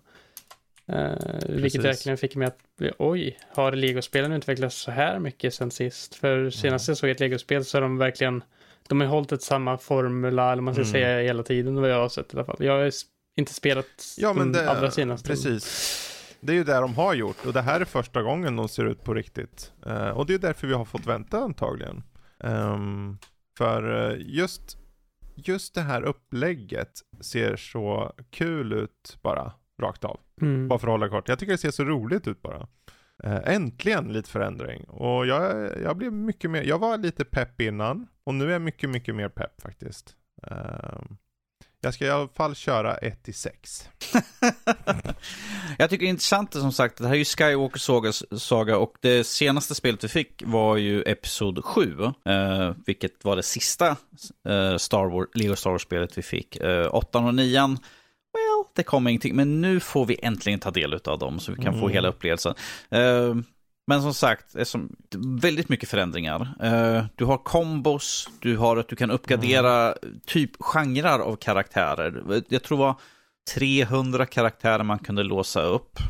Ja, och, men sen finns det bara mycket färre kategorier av karaktärer. Precis. det finns ju många liknande. Och de går tillbaka precis som i Episod Uh, eller den här förra Star Wars samlings Lego Star Wars-utgåvan, där hade man som en liten hubbvärld. Där man kan välja liksom att jag vill gå in till det, mm. det, här spelet eller den här filmen och sen får jag välja liksom tror jag, sex stycken kapitel. Här, de verkar ha gått ja. in mer på det här. Och utöver liksom att spela uh, spelet storyline så kan du bara springa omkring fritt och utforska. Uh, som free, ja. free play i originalspelen. Men att här ja. kan du åka runt hela världen och åka omkring, åka ut i, på Tatooine, åka till Mos Espa, uh, Mos mm. Eisley liksom och kolla runt liksom. Så att de har verkligen jobbat lite, hårt på det här ser ut som. Ja, jag fick ju lite open world feeling. Inte så här superstor open world, men lite halv open world på vissa så här. När han åkte med landspeeden och liknande. Att det var, ja, det här ser intressant ut. Men det, som sagt, det kommer nu i april, 5 april. Det blir kul. Det här året shapar upp och blir eh, starkt. Och från ett Star Wars till ett annat. Eh, Star Wars Jedi Fallen Order-uppföljaren har nu ryktats släppas i slutet av året. Det var en av de mest kända läckarna, leakerserna, eh, Tom Henderson som har sagt att eh, spelet kommer alltså, det kommer tas upp enligt honom då den 4 maj, May the 4th. Eh, och kommer va, ha förväntningen att släppas Q4 2022 så uppföljaren till Star Wars Jedi Fallen Order. Jävla märkligt namn. Star Wars Jedi Fallen Order. Konstigt namn. Ja, oavsett, eh, ser ni fram emot det här eller? Jag tyckte att uh, Fallen Order var ett väldigt bra spel, det första. Så att... Uh, jag, kan, jag kanske, precis som alla andra spel, ska spela klart ettan. jag börjar tänka på en uppföljare. Alltså jag har inte heller kört klart den när jag tänker efter så. alltså, alltså jag, jag gillade spelet sådär, bara att det har kommit spel emellan så att jag inte kunnat mm. fortsätta. Ja. Men att jag tyckte om combaten, jag tyckte om uh, storylinen, jag tyckte det var intressant. Oh, ja. uh, I alla fall de, de vägar, men jag tänker inte säga allt för mycket. Så, men jag tyckte om vart man var på väg i spelet. Mm. Så jag tycker det ska bli intressant ja, att se var den här kommer gå. Verkligen. Ja. Det är ju, sen visst, man får ta det här med en nypa salt. Det är bara en snubbe som läcker det och så. Eh, de kanske ser att det har läckts och sen bara, ah, vi skjuter på det. Det vet man ju inte. Eller att det kanske bara av andra skäl skjuts på. Vi släpper Men, en Q1 eh, 2023 istället. Troligtvis så släpps det snart. Det, jag menar, när kom förra spelet? Det är det tre år 19. sedan redan? 2019? Ja. ja, herregud, det var jag som recenserade den tror jag till och med nu när jag ser det. Ja, för jag kommer ihåg att jag körde igenom det. Det var ett bra spel och mycket riktigt, riktigt intressant story. Typ lite Dark eh, Souls. Eh, lite, ja. lite Dark Souls, fast att du kunde faktiskt välja svårighetsgrad. Du kunde Så faktiskt överleva. köra på storyn. Ja, ja, det var fortfarande svårt på de lägre. Men, um, ja, vi får se. Vi får se. Och sen har vi ytterligare ett då, Ghost Warrior Tokyo. Det kan ha fått sitt släppdatum nu lite avslöjat, för återigen är det Playstation Store som råkar lägga ut en liten grej och sen tar de snabbt bort det. Och då hade, i vanliga fall så tänker man, ja ja, men det är bara så här placeholder säkert. Men när det är exakt den 24 mars, det brukar alltid vara den första eller sista eller i, i kvartals uh, skiljen, skiljedelen liksom mellan kvartalen något. Men här var det den 24 mars. Uh, ja, en ytterligare ett spel för i år. En torsdag alltså. Mm. Ja, innan en helg. Ja, för Kirby släpps ju dagen efter, den 25. Oj då. så ja, men uh, jag tycker fortfarande att Alltså vi, jag vet fortfarande inte riktigt vad det där spelet är.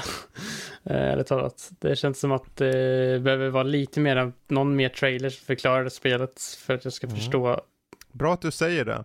För om det nu är så här att det faktiskt ska släppas i mars, ja. vad behöver då Sony göra? Promota skiten ur det. Ett event. De behöver ha ett event, ja. Det pratade vi om förra veckan. ja. Och det har ju snackats om event i februari, så det passar rent så här, okej, okay, om du nu har läckt det här och det har snackats om och haft lite rykten och läcker angående event mm. i februari så passar det ju in.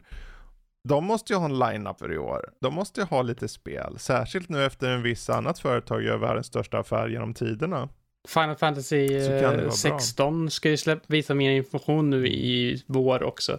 Och det kan ju tekniskt ja. sett också innebära februari. Så det kan ju också vara, det, ja. det är ju också en, ifall de har, för Sony har ju två stycken sorts, sorts event nu har vi ju lärt oss att de har ju sina Sony Playstation Presents och så har de de här State of Play. State of Play är ju de här mindre med typ väldigt lite, eller små titlar mest och lite så. Medan, eh, eller fokus på bara en titel. Medan Presents är verkligen så här typ nyannonsering på nyannonsering, lite som en Nintendo Direct mm. typ. Lite mini-event. Ja. Sen är ju frågan också om de vågar visa upp part 2 på remaken på 7 uh, ehm, Det kan ju vara tidigt. Men å andra sidan, om de har motorn och allting klart, om de har första spel, det är ju inte som att de ska de, återvinna hjulet. De har ju redan karaktärerna, de behöver ju bara visa upp lite gameplay de egentligen. Ja, för, precis, för egentligen, uh, att jag tänker just så här med att de kan, om de till och med skulle kunna släppa det sent 2022.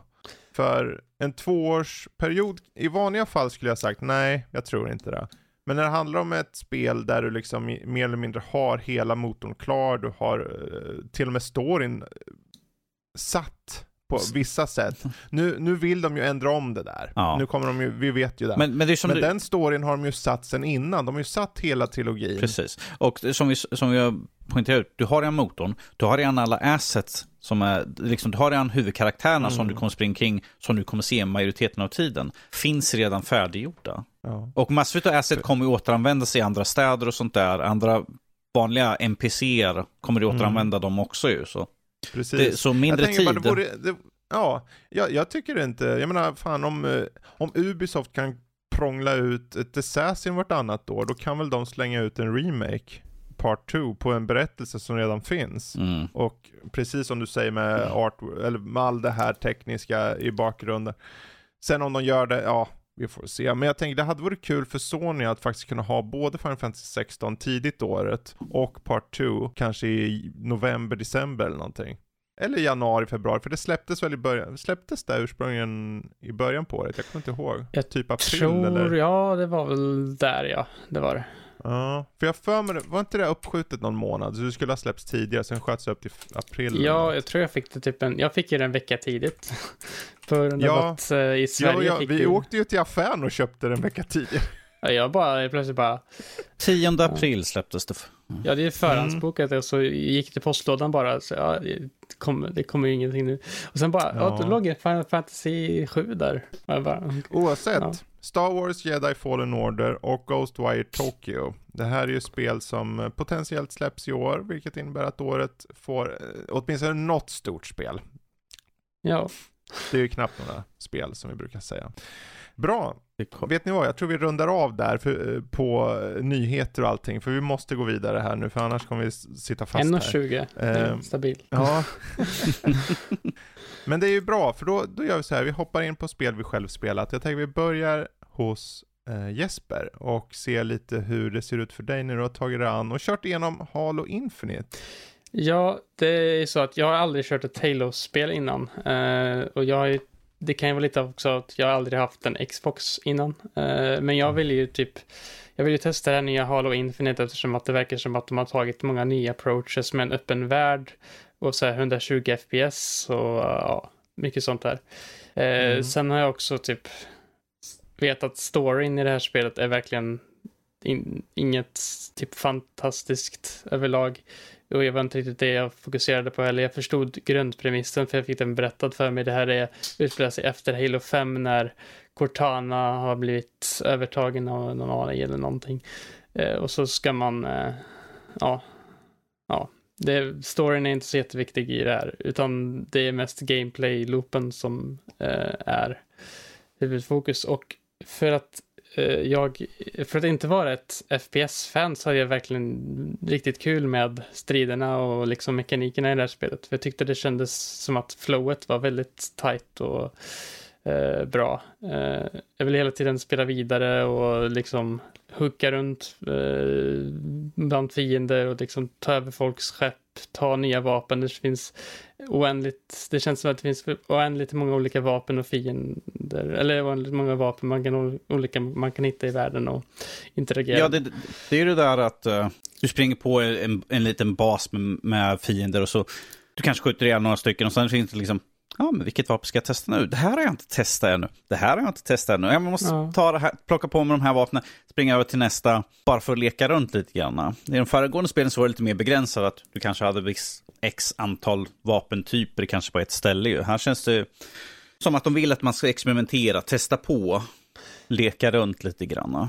Trots det så har jag lite klagomål när det kommer till eh, typ strukturen i spelet. För själva storyuppdrags eh, eller vad man ska säga, känns väldigt repetitiva eh, överlag. Det känns som att Mm. det bara är långa korridorer där du typ springer och bara mosar fiender för att gå till nästa korridor där du springer och mosar fiender, nästa korridor. De, Je- Jes- Jesper, välkommen till Halo. Ja, men ändå. Eh, det är ändå värt att det känns som att det kanske är ett föråldrat koncept på något sätt. Men jag tycker ändå att bossarna och grejer är väldigt unika och liksom det känns som att det finns en boss där du typ är i ett mörkt rum där du ska typ döda någon som är osynlig nästan hela ja, tiden. Ja, just det. Jag vet precis vad du menar. Jag, jag har varit där också.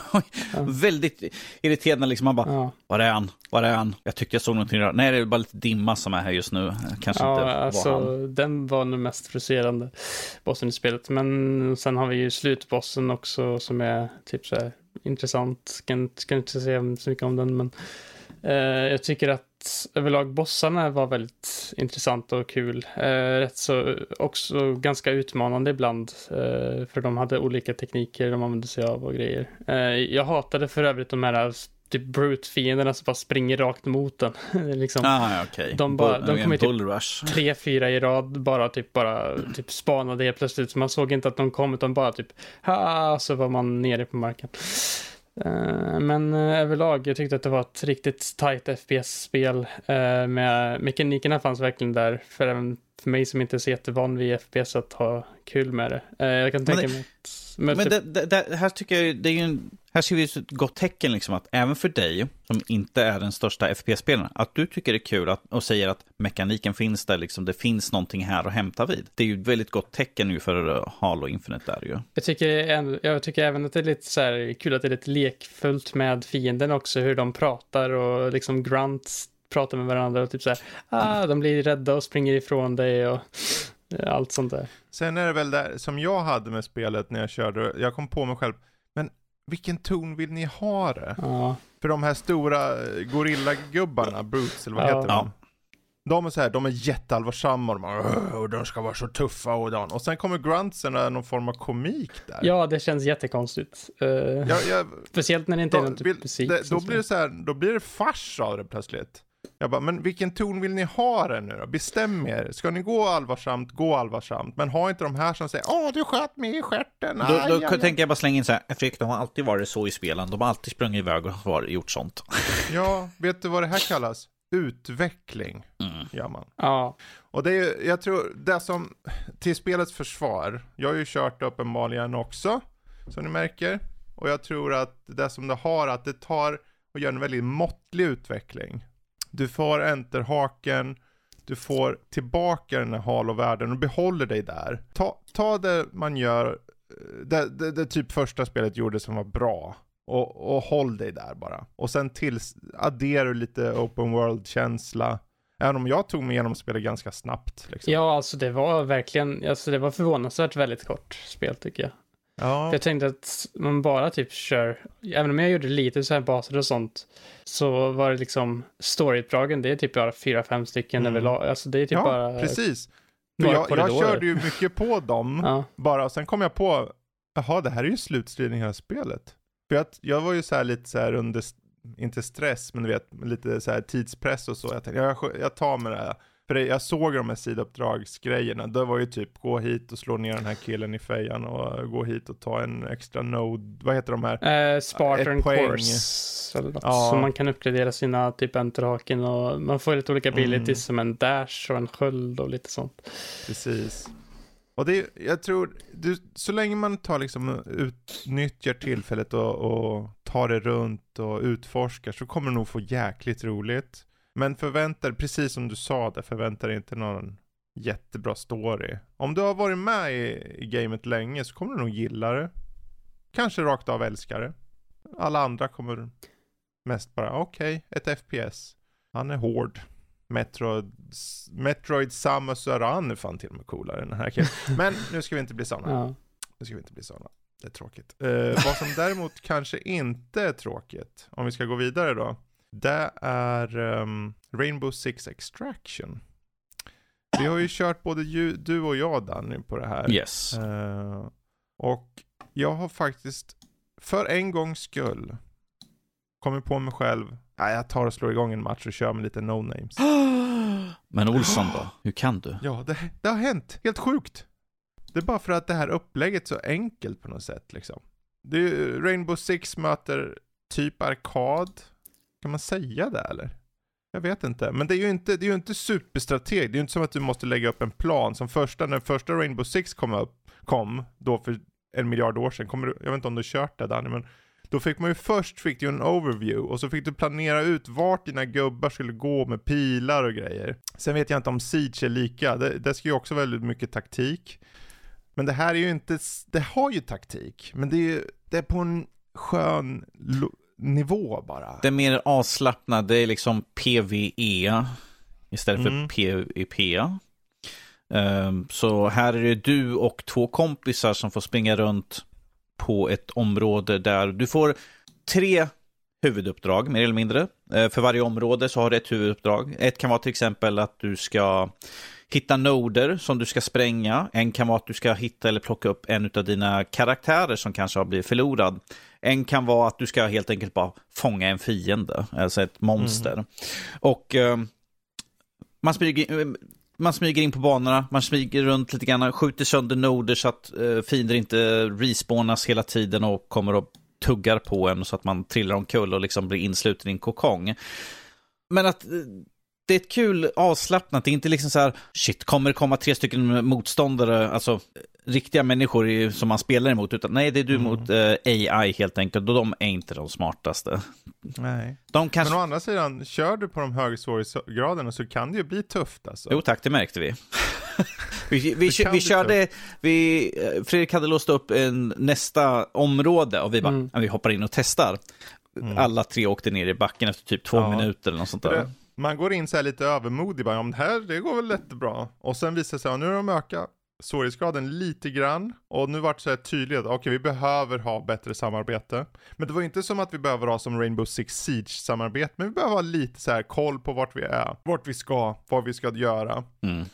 Uh, och när jag har kört online, just det här med att, för, för grejen är att varje, som du sa, det är tre stycken uh, miniuppdrag per, per, Områ per område helt enkelt. Ex excursion, mm. liksom. Uh, så att du går först till först, första uppdraget, du kanske ska göra en specifik grej. Och redan där, om du ser att du och dina kamrater får väldigt dåligt hälsa, kan ni göra en extraction och, och klara er. Och få med er XP och så. Så man går till en så helikopterplatta och så uh, signalerar man och så en, en jävla dataskärm eller någonting så kommer en helikopter och plockar upp en. Så man har på varje bana möjlighet att, att liksom fly och få poängen för, för banan. Mm. Klarar du alla tre så får du extra mycket såklart. Uh, så det är hela tiden, det är väldigt, jag skulle inte säga att det är för snällt, men det ligger på en väldigt bra nivå för, för i alla fall för mig som inte spelar så jättemycket online. Så jag kom på mig själv, jag ska ta hoppa in, se hur det är att köra med andra som jag inte känner. Och det funkade relativt bra. Ibland funkar det jättebra, ibland funkar det det är alltid någon med, jag ska springa här och skjuta allting och så drog han till sig varenda monster och så dog vi. Ja, ah, men du har ju spelat med mig Fredrik alltså. Ja, fast den här var värre. Oh wow. Mycket värre. Oh wow. Ja, mycket värre. men, och här är också roligt, för om till exempel Danny går ner, mm. då, då kan jag välja att lyfta upp honom, springa tillbaka till samma den här extraction-platsen, slänga in honom i en liten bassängkammare-grej. En, en medipod typ. En medipod. Och då, då klarar han också banan och får liksom poäng. Mm. Han blir injured för sen. Men uh, that's it. Om, om man däremot inte klarar banan, då blir din, den karaktären blir MIA, Missed in Action. Ja. Så att då kan du inte köra med den, utan då får du ta någon av de andra karaktärerna. Mm. Och då kan du köra om samma bana och rädda den karaktären. Det... Och då får du tillbaka, lyckas du får du tillbaka den karaktären och den XP som han hade tjänat på det uppdraget han var på förut. Intressant. Om du failar, eh, då får du också tillbaka den, men då tappar du all XP han hade. Okej, okay, så man får tillbaka den oavsett då? Ja, i alla fall om du kör, för, säg att, för många gånger, som vi berättade, att det är tre, tre delar på varje sån här bana. Som oftast är kanske i andra eller tredje delen. Det vill säga, det blir ju svårare och svårare. Så okej, okay, ska jag ta mig ända till tredje delen där det är just rädda den här operativen? Okej, okay, vi, vi nådde tredje delen och sen kanske man märker, okej okay, det är för svårt, vi har för dåligt med hälsa. Ska vi våga ta han och rädda han i alla fall? För det tar tid att rädda han. Eller ska vi ta extrakta redan nu? Och extraktar man redan då, då får man ju den XP som man själv har eh, liksom tjänat in. Men då tappar du hans XP, eller hennes. Eh, men får tillbaka den op operativen. Så det hela tiden ger dig det här, du kan få han eller hennes eh, XP tillbaka om du räddar han. Men du måste också köra ända dit. För om du, säg att det är på tredje delen mm. och du kör på två banor och märker att ah, det här är skitsvårt. Jag kanske dör nu. För då blir det ju MIA på den karaktären också. Så det är hela tiden, du måste känna av, okej okay, är det värt att ta mig till sista eller andra eller vad det är för någonting? Är det värt att försöka rädda han? För om du går till, du måste för övrigt vara på det uppdraget att du ska rädda den personen, det vill säga om det är del 3. Då måste du ha kört ända till del 3 och om du failar då och rädda då får du tillbaka den. Men om du bara kör två uppdrag av tre och inte når den tredje, då får du inte tillbaka den. Då är den fortfarande MIA. Ja. Så då får du köra om. Vad, vad, vad behöver man XP till? Uh, XP låser upp en progression bar som dels låser upp nya banor, men, eh, och det finns två olika sätt att få XP. Du tjänar XP per eh, karaktär. Och på hela spelet i en så här total progression. Och den här total progression låser upp nya spellägen och eh, nya banor. Och dina karaktärer, när de går upp, då får du tillgång till nya typer av vapen. Till exempel. Eh, och nya slags förmågor, för de har en slags specialförmåga, en var. Och eh, jag menar, ju längre du går upp i den total progression så kan du låsa upp fler operatives, alltså karaktärer också. Och vad spelet gör då, i och med att du vet att säga att du, för varje gång du kör ett uppdrag, om du klarar hel, liksom helskaddad, mm. så, eh, helskinnad menar jag, eh, då, då har du inte tappat någon hälsa eller någonting och då mår han bra. Men han tappar bara lite, lite hälsa förmodligen. Men oftast när du kör så blir du ju attackerad, du kanske tappar liksom hälsa. Så då blir de injured när du kommer ut ur, de kanske klarar sig men de blir injured. Då kan, kan du inte spela med dem tills de har lagt upp. Så du måste hela tiden testa andra karaktärer. Så med flit så har du hela tiden fler och fler karaktärer som du bara kan testa det med.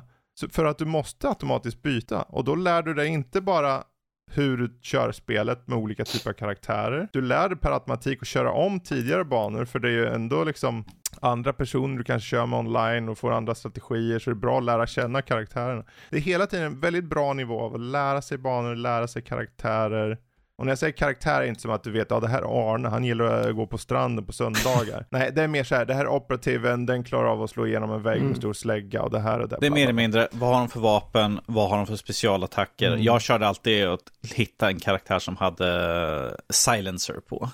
För det fanns mm. ju, som han du nämnde där med eh, som kan slå igenom väggar. Han har typ mm. en hagelbössa och han är inte liksom så tyst Nej. direkt när han kommer så att Nej. fiender lär snabbt upptäcka vart han är. För det är också spelsätt till spel, hur du spelar. Du kan ju stealtha genom uppdragen om du vill. Mm. Och du kan gå in guns blazing också, men då drar du till det allihopa. Och varje typ av uppdrag, så här, vissa uppdrag kräver att du är stealthy för att du ska klara dem. Och vissa kräver att du bara ska döda allt. Och vissa är en slags mix. Så. Um, så det, det ja, jag, jag, må, jag, måste säga att jag varit ganska förvånad över hur kul det var när jag spelade. Um... Bra att det verkar lite unikt också. Det verkar ju verkligen som att de har tagit nya koncept som jag inte har hört talas om förut i spel. Typ, nästan. Mm. Sen är det så här, jag har inte kört Siege. Jag vet ju att karaktärerna kommer från Siege. Okay. Det är samma karaktär som är från Siege. Uh, I alla fall vissa av dem. Så att uh, det finns ju mycket gemensamt där och speciallägena här, det har ju funnits uh, något specialläge i, i Siege också som hade något liknande det här. Mm. Um, men någonstans är det vad det gör att det gör det enkelt att hoppa in i. Mm. Vem som helst kan hoppa in i en match och förutsatt att de du spelar med är någorlunda på samma nivå sett till liksom okej okay, gå försiktigt här, det är ett näste, eller eh, skjut allting här tillsammans, täck varandras rygg. Då kommer det gå bra, då kommer du ha kul bara. Och det är PVE, så det är aldrig som PVP. För uh, Rainbow Six Siege är ju PVP. Mm. Det här är PVE, så du kör ju bara mot uh, sån här AI som blir för jävligt längre fram kan jag säga. För, för jag tyckte det var rätt kul för att uh, vi spelade ihop med Mattias som skrev recensionen. Um, mm. Och ni hade ju kört en dag innan, så ni har haft en helt, ja, som ni hade spelat innan jag hoppade mm. in. Och jag var liksom bara, nej men hoppa in och kör liksom. Och mm. Det var mer eller mindre så. Hoppa in, visst jag åkte ner på direkten. men det var ju mm. för att jag inte hade direkt liksom, ah, vad händer här för någonting? Då var det mest såhär, ja men kom igen och kör nu. Så jag Precis. bara, yes, yes. Och då kan vi lyfta upp honom, gå och lägga honom i den där medipodden. Och sen så, så att inte hans karaktär blir MIA. Så vi räddade han liksom så. Han blev injured, så han, du måste byta en annan karaktär nästa gång i alla fall. Men då är han i alla fall kvar. Och sen någon par omgångar så har han full hälsa igen. Liksom. Plus något som jag tyckte var skönt, för på en del sådana här spel som har massvis med map packs och sånt där. Har du inte mappen så kan du inte spela. Här var det att Fredrik, som Fredrik hade kört så hade han låst upp nästa nivå. Mm. nästa område. Nästa liksom. område. Och tack mm. genom att han var värd och valde så fick jag och Matte följa med. Även fast vi kanske inte ja. hade nått upp till den nivån ännu. Så Precis. Att, visst, det är lite svårare men att det är inte så mycket på din karaktär på den biten. Mm. Utan mer, har vi lärt oss banorna? Har vi lärt oss hur man kör? Men att vi kan fortfarande få med och spela istället. Nej, vi måste tyvärr vänta på att ni har levlat upp. Nej, det var mm. liksom bara, Fredrik välde banan och sen körde vi bara. Det tycker jag var skönt. Precis. Och sen är det så här, när jag har kört vidare har jag kommit till så här Apex uh, bad guys. De kallas Apexes. De är för jävliga. De har själv så här taktiker och de tar, eh, och de sömnar andra karaktärer och göra saker åt dem. Det blir för jävligt där. Så där, du kan hitta en väldigt utmanande nivå om du vill. Men du kan också köra för att ha kul. Jag tror det här som är för mig det bästa med att för att vem du än är, du kan köra och få lite XP på dina villkor, hur du vill spela det. Och i och med att spelet inte är supertaktiskt, det är inte helt utan taktik. Du måste ha lite taktik, men du behöver inte vara supertaktisk. Det, det är bara för att vara det är bara kul. Det är där, de, jag tror de tänkte så här, vi vill ha ett spel, det har lite taktik, men det ska vara kul. Mm. Och det är vad de har här med Extraction. Uh, hittills är det nog det bästa spelet i år för mig. Men det säger ju inte så mycket, det har typ släppts Eh, ett spel liksom. Jag har nog inte kört ett enda spel från i år, så ja. Nej, jag Det, jag kan nej. då säga med rätta att det här är årets bästa spel hittills. Ja, I alla fall för mig då som gillar just den här lite, en slags balansgång mellan det mer hardcore och det mer arkadiga. Det ligger någonstans i mitten. Jag tror om man, om vi säger så här, de som gillar Siege, som verkligen älskar Siege, kommer kanske inte tycka om det för att det här är lite så här, men det här är lite same same it och det är liksom lite för lojt. Eh, Det är lite för mainstream kanske, vad vet jag. Men eh, för oss alla andra så är det bara riktigt kul. ja. Till och med jag hade kul. Ja. Jag dog inte hela tiden så ett stort plus Nej, det gjorde du inte. Vi vann många gånger. Vi vann många gånger. Så är det. Men eh, då om vi hoppar vidare lite Vi kan ju bara grann snabbt då, säga, så- om ni är intresserade av att Ja. veta mer så hoppa in och läs Mattias recension. En Väldigt underhållande recension. Så. Precis. Exakt. På Rainbow Six Extraction alltså. Och om ni mot förmodan är sugna på att, och ni känner någon som har det, så finns det ett buddy pass på det. Alltså en friend pass, eller vad man kallar det. Där man kan bjuda in två kompisar och spela 14 dagar gratis med Är det inte Game oavsett Pass också? plattform. Det finns på Game Pass också, precis. Ja. Precis. Så Ja, vi är det- tillbaka till Game Pass igen. Åh. Ja. It all comes back to that. Ja, men vad det däremot kommer tillbaka till är Balan Wonderworld. Mm. För nu måste jag ju höra här. Vad, vad är det här? Hur är det spelat? Och vad handlar det om? Och är det så uselt som alla säger att det är? Eh, det jag kan säga, först och främst det är ett uh, tredjeplattformsspel av uh, Yuji Naka, eh, mannen bakom uh, Nights in the... Eller Nights någonting heter det. Eh, och eh, typ ett Rodea eller någonting till Wii. Och de spelen har fått ganska, eller Nights har fått ganska bra kritik men Rodea har ju varit lite så här halvt. Och nu kommer Ballan Wonderworld som verkligen fick urusel kritik när det släpptes. Så bara, alla bara sågade Mm. det totalt. Det är ett spel där du spelar som barn som och typ åker in i, går något typ tivoli eller någonting. En ganska fin Mhm. intro cutscene är det. Eh, Så träffar de på någon eh, man med en hatt som heter Balan så förlitas de till ett sagorike. Och där ska de typ det är ganska oklar premiss ärligt talat. De träffar på typ så här eh, människor med olika problem och så är man i deras typ eh, förvrängda verkligheter där man Mm. plattformar och får nya abilities genom olika grejer. Eh, och det är väl så hela upplägget går ut på. Du ska typ så här gå från värld till värld och ta dig an så här, typ låsa upp nya förmågor som du kan använda för att ta dig vidare i världen. Eh, och en sak som Mm. man märkte direkt är att med all, eh, för att vara ett plattformsspel, du kan inte hoppa med alla förmågor. Vissa förmågor så tar de bort eh, förmågan att hoppa. Okej. Eh. Men du kan fortfarande komma vidare Ja, då? eh, du, kan, du kan byta mellan tre stycken. Så du kan ha eh, en som hoppar, en som inte hoppar och en som Ah. är så. Men det Okej, känns... så då måste du byta tillbaka till en som hoppar då, alltså för att hoppa över några hål? Ja, för den andra kan vara till exempel att du är en drake som typ sprutar eld eller någonting. Eh, Okej. Och då kan du inte Mm. hoppa, vilket är typ en ganska stor grej. Men ärligt talat så gjorde det inte det mig, det har, det har inte gjort så mig, jättemycket för mig än så länge. Jag har bara kört första världen och, lite, och andra världen tror jag. Eh, Mm.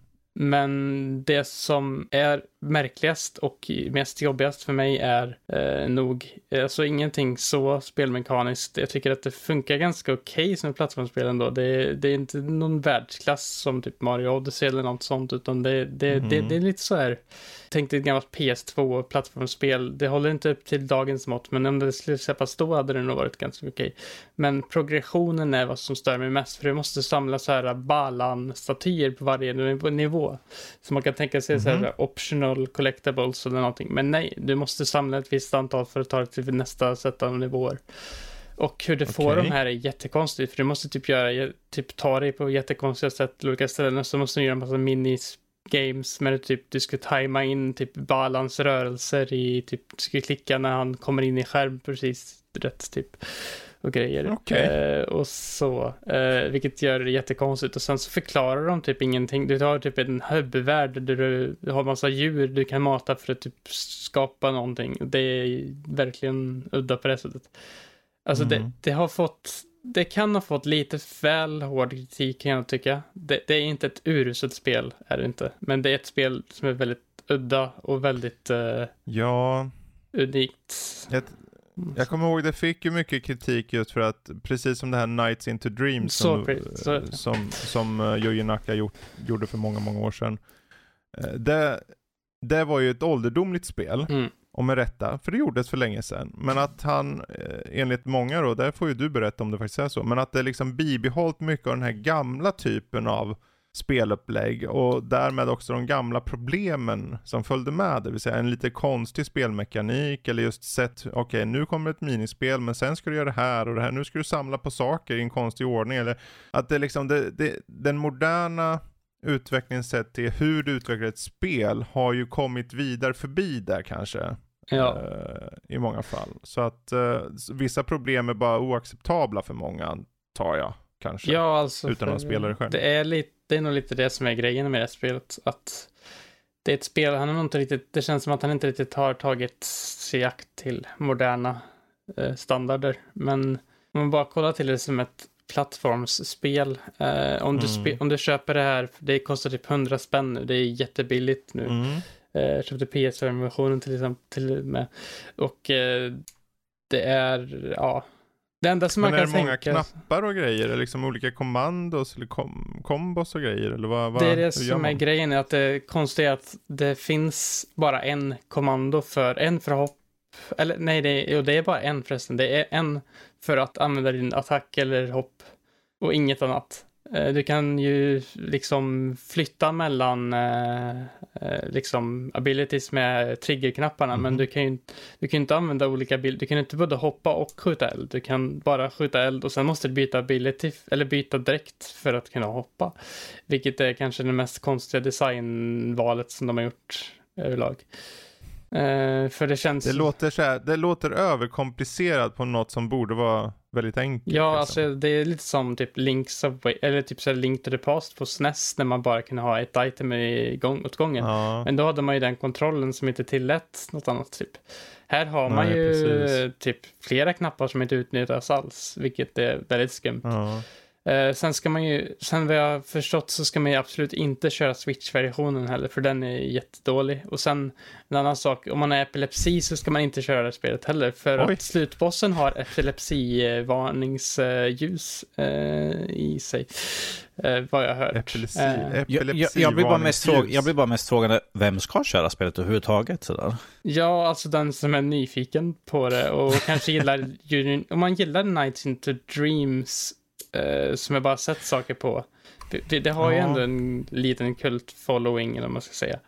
Så skulle jag nog säga. Men kom inte det typ 96? De som... Mm. Ja, jag tänker det, det finns det nog de som gillade det. Jag känner igen namnet på det. Jag för mig det var någon udda figur. Ja. Men det är ju, det är ju över, det är ju 25 år sedan plus liksom. Det är ju eh, Sonic-teamet. De, de, de, spel, Ja, de spelarna liksom, om de spelar fortfarande, då har de ju spelat med utvecklingen och kanske inte vill gå tillbaka. Och har man inte spelat på 25 år, ja. då vet jag inte om det är Ballan och Wonderworld det första man plockar upp kanske. Ja, nej, det uh, tror jag inte. Jag, jag är med så här, undrar vem det här riktar sig mot för de sakerna du säger. Det kanske är roligare än det låter, å, å andra sidan. Uh, för du sa ju själv att det inte var det sämsta spelet. För jag, jag, vet att det finns så många, egentligen finns det ju alltid något skit. Det fann, jag menar, Pong, så bra är det inte. Alltså jag har recenserat, jag minns jag var ung jag har recenserat sämre spel om man säger så. Ja, eh, precis. Så ja, alltså det är väl det att man, ja den har ingen riktigt specifik målgrupp. Kanske de typ, något litet barn som bara vill springa runt i en värld eller någonting på banor. Är det lätt för barn i alla fall då, tror du? Det är det som är grejen. Jag tror jag inte tänker det... För det var en knapp bara liksom. Det är lite konstigt på vissa sätt också därför att när du ska låsa upp abilities så måste du typ hitta en nyckel först för att låsa upp abilities. Och sen om du råkar dö med den abilityn så förlorar du abilityn. Så då måste du hämta den nyckeln igen till den abilityn och ja, det, det, är lite det är överkomplicerat på saker som oh. verkligen inte behöver vara överkomplicerade. Eh, för om de bara fixade lite små saker med det här så hade det varit ganska oh. okej okay, platt, ganska, till och med nästan mm. på, ja, det är nog ett underhållande spel som jag tror att många skulle uppskatta. Men med de här mm. små komplikationerna, man ska säga, så tror jag att det är det som avskräcker folk och gör att det blir ett lite, ja, för att level design, alltså tematiken och sånt tycker jag är lite spännande. Det finns en vattenbana, det finns en bana där man är inne i ett träd typ. Mm.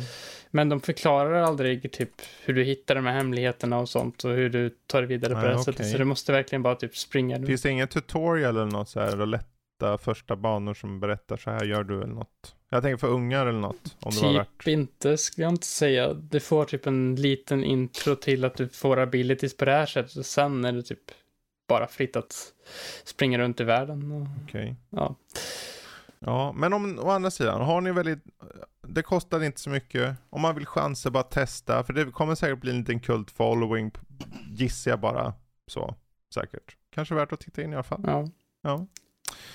Bra, för jag, jag har ju kört eh, en beta. Och jag har kört en beta på The Settlers. Oh my det här är ett God. spel som, ja, den skulle ha kommit ut, jag tror den skulle ha kommit ut 2020 egentligen. Men det har skjutits på, jag vet inte vad, vad som har, för det visades upp, jag tror 2018 redan. Och det är ju nu så gott som fyra år sedan. Men nu kommer betan och nu har det fått datum också. Så att eh, spelet är ju ute snart då. Jag tror det är mars eller något. Ni får gärna kolla upp det där och, eh, under tiden. Men 17 mars hörde jag av en klasskompis. 17 mars. 17 mars ja. Där. Jag kan ha men jättefel nu för jag bara hört det om jag minns rätt. Men... Eh. Jo, 17 mars, det stämmer. Yes. Uh, sen, på vissa sätt är det ganska likt originalet. För Settlers är ju, för er som inte känner till det, att du, du ska, det är egentligen en, en så här, vad heter det, builder, city builder typ. Eh, men du ska liksom, först får du ett stort lagerhus, det är allt du börjar med. Och i lagerhuset har du mängder av resurser, i alla fall en viss mängd. Sen ska du placera ut kanske en woodcutter som tar ner lite träd och en som uh, hugger sten, ett quarry. Och det är grunden liksom. Och du behöver ju folk för det. Och det finns ju folk från start. Men sen behöver du bygga upp små hus så att få fler invånare så du kan sätta dem på fler tasks när du bygger fler hus. För att eh, du kanske behöver ett sågverk för att göra plankor. Då behöver du ju folk som jobbar till det. De kommer automatiskt gå dit och börja jobba. Så att när du sätter upp så går resurserna från lagerhuset ut dit. Tar de slut så är det ju bra då för att då har du ju börjat redan med både sågverk och quarry för att få sten. Så du fortsätter att få in sten och det. Tyvärr finns det ju en annan Jeppe på kartan som springer upp med sina jävla gubbar och ska attackera vart tredje minut känns det som. Eh, så det är lite obalanserat den här betan hittills. Men överlag så, för att vara ett settlerspel så känns det relativt fräscht. Det är ju precis som det alltid varit. En resurs ska gå till en annan plats och den platsen ska göra någonting med det. Som att du gör en, en farm som växer vete, så tar du vetet som går till, eh, vad heter det, mill, väderkvarn.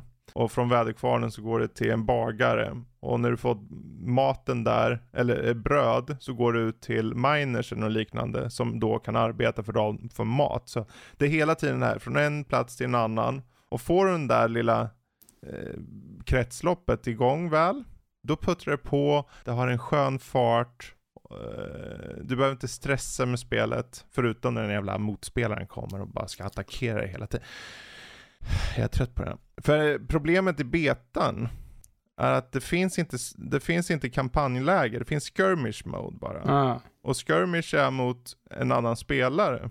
Så att eh, jag har nog inte kommit igenom en hel omgång än, bara för att det är alltid någon som ska envisas och attackera mig på en gång. Jag vill köra kampanjen, men den finns inte med i betan. Um, men det kommer i alla fall finnas uh, en mängd olika multiplayer-lägen med upp till åtta spelare. Det Settlers var ju känt från uh, förr att du kunde spela co-op med i samma område. Så att ja, men jag bygger upp vår lager här, om du tar och bygger upp något där borta. Mm. Så att man kunde dela upplevelsen med någon. Och så har det ett sakta tempo, du kan bara ta det lugnt, kanske titta på någon, ha på någon YouTube eller något vid sidan av och bara slappa eller av och liksom njuta Nördliv podcast. Det, eller lyssna på Nördliv. Och, och liksom bara ta det lugnt. Uh, och det, det, ligger ju kvar i den här betan än så länge. Det finns tre olika fraktioner som har tydliga liksom olika byggnationer och, och stilar på hur de slåss och så. Och du kan hitta hemliga saker på kartan som ger dig lite extra resurser. Och det är nytt för serien, relativt nytt i alla fall. Det har funnits lite liknande. Um, Mm. Och överlag, det, det är ju beta, så jag kan inte säga så mycket mer än så. Det, det lilla jag har kört hittills, det känns okej. Okay. Grafiken kunde varit bättre. Av någon anledning har hon låst det till low på PC. What? På, ja, jag vet inte varför. Det står att det, står bara så här i betan så är det låst till low bara.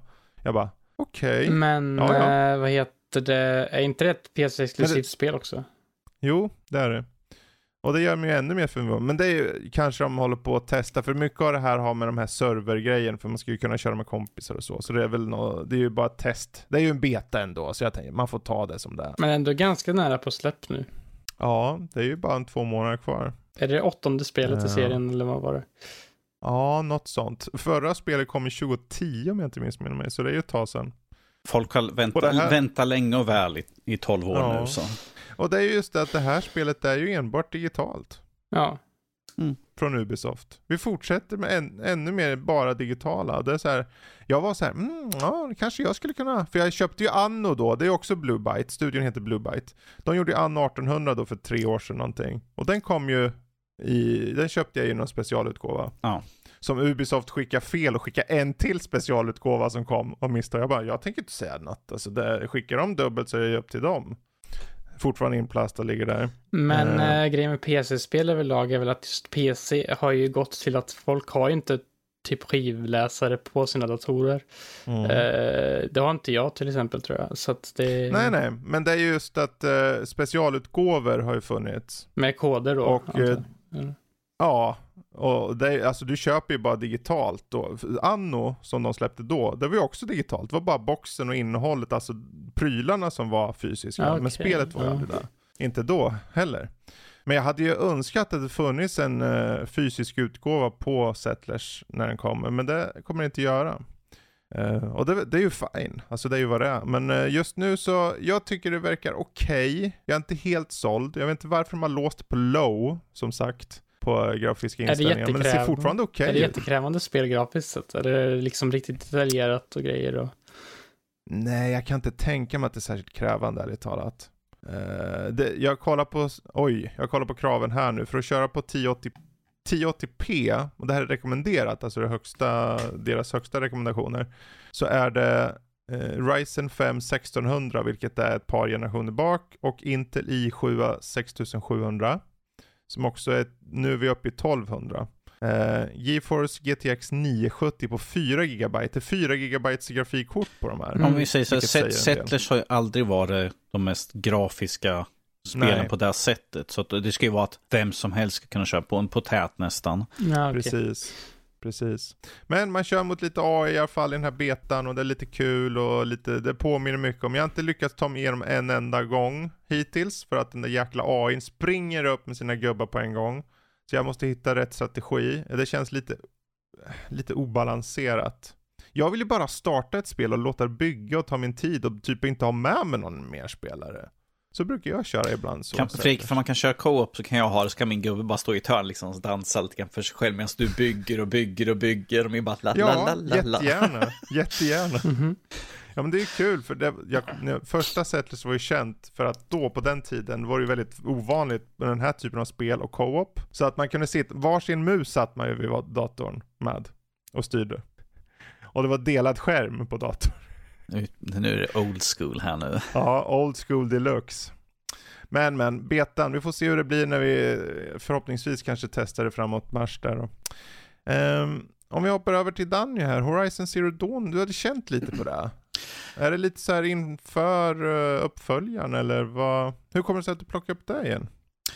Well, mycket i samband med att uppföljaren kommer uh, nästa månad. Så mm. Ja, så jag tänkte att jag skulle plocka upp det för att eh, Sony gav ju ut förra året så hade de ju Play at Home.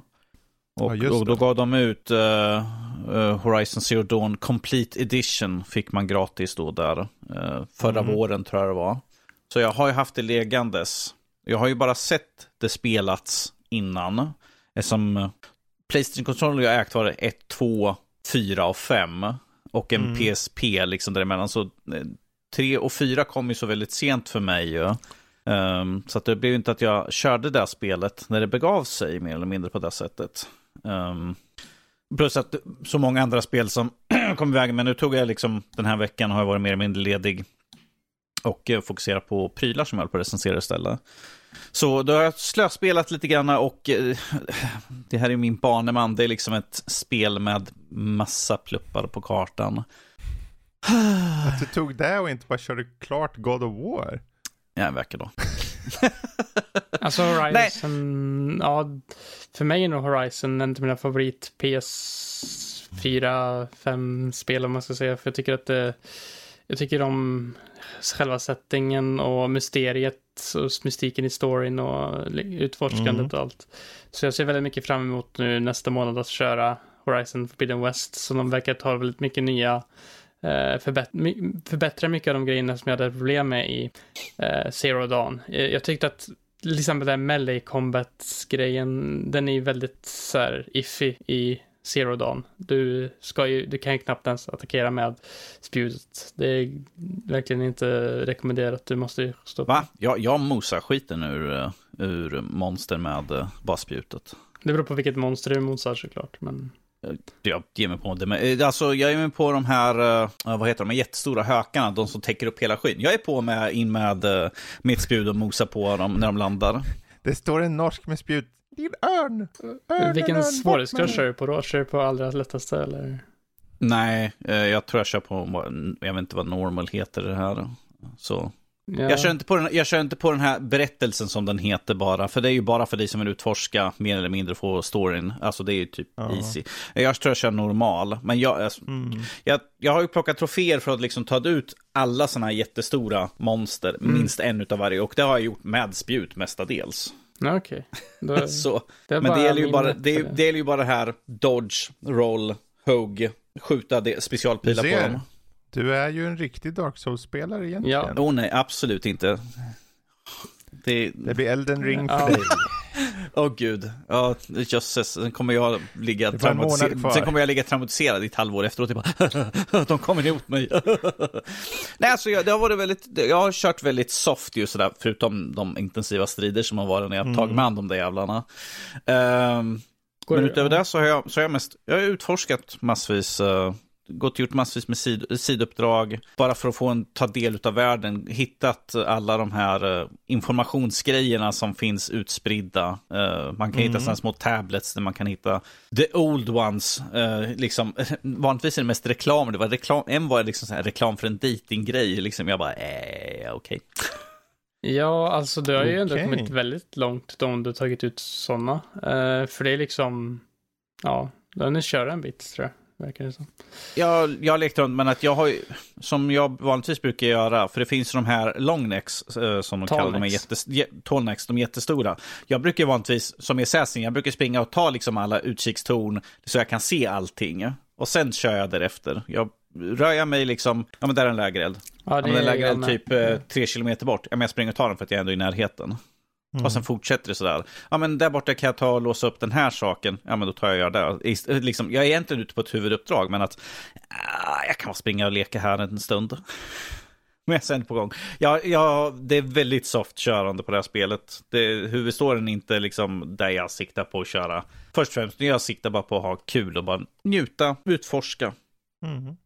Ja, det är bra. Om vi säger så här. Det är då. bra att du fick tid att ta dig an den. Ja. Och om ni, om ni inte har kört det, men har Playstation 4 eller Playstation 5, så kan ni hoppa in och läsa Fredriks recension på Horizon Zero Dawn. Från 2018. Oj. Ja, 17 ja, det var ett tag sedan.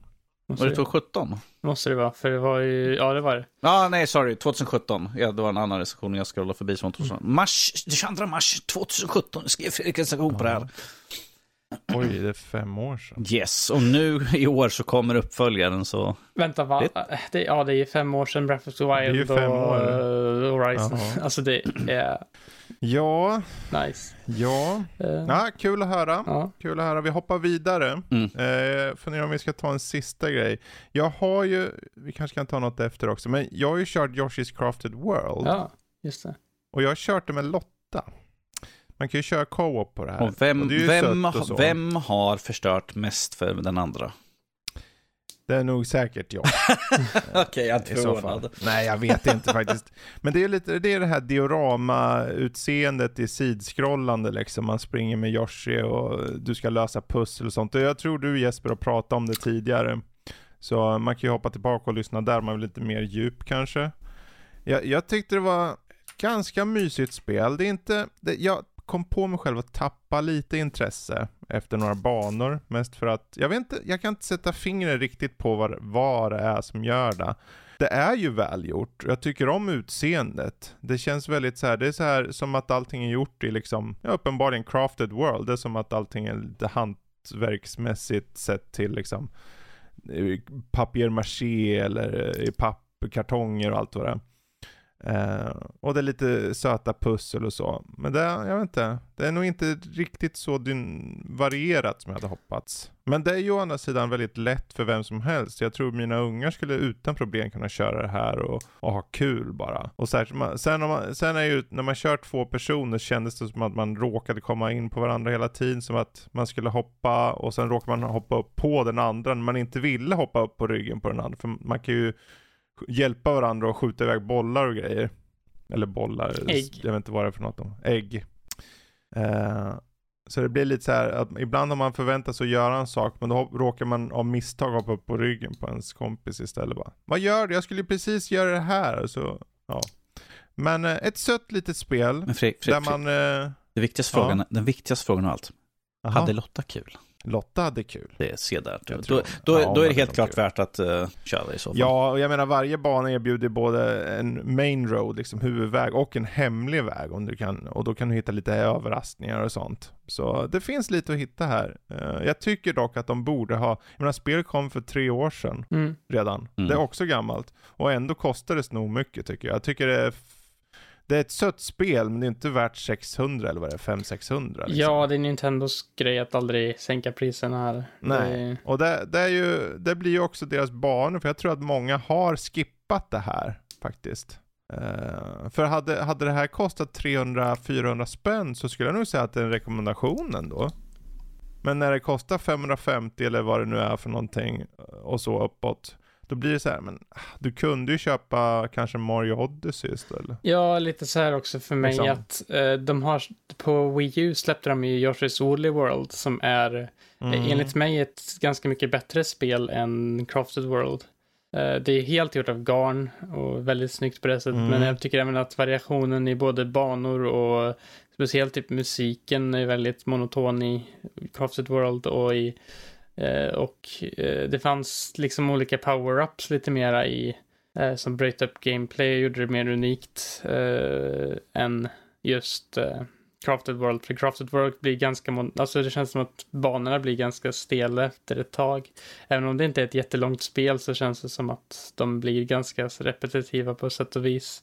Ja. och sen dessutom att 100% grejen i Eh, om man ska köra 100% i Crafted World så är det extremt mycket grejer du måste göra. Du måste köra om banorna minst typ fem gånger tror jag det är för att låsa mm. upp allt. Och det tappar jag ju helt och hållet så jag gjorde ju verkligen inte det. Men i, i um, Woolly Worlds behöver jag bara köra en gång. Uh, och synd där, det är bara att det släpptes till Wii U uh, och typ ingen mm. hade Wii U nästan så då det Men det kanske kommer. De, kommer. de släpper ju portningar eller remakes eller HD remasters och allt vad det heter. Så det kanske kommer den där Wally World. Ja, det kanske gör det. Kanske.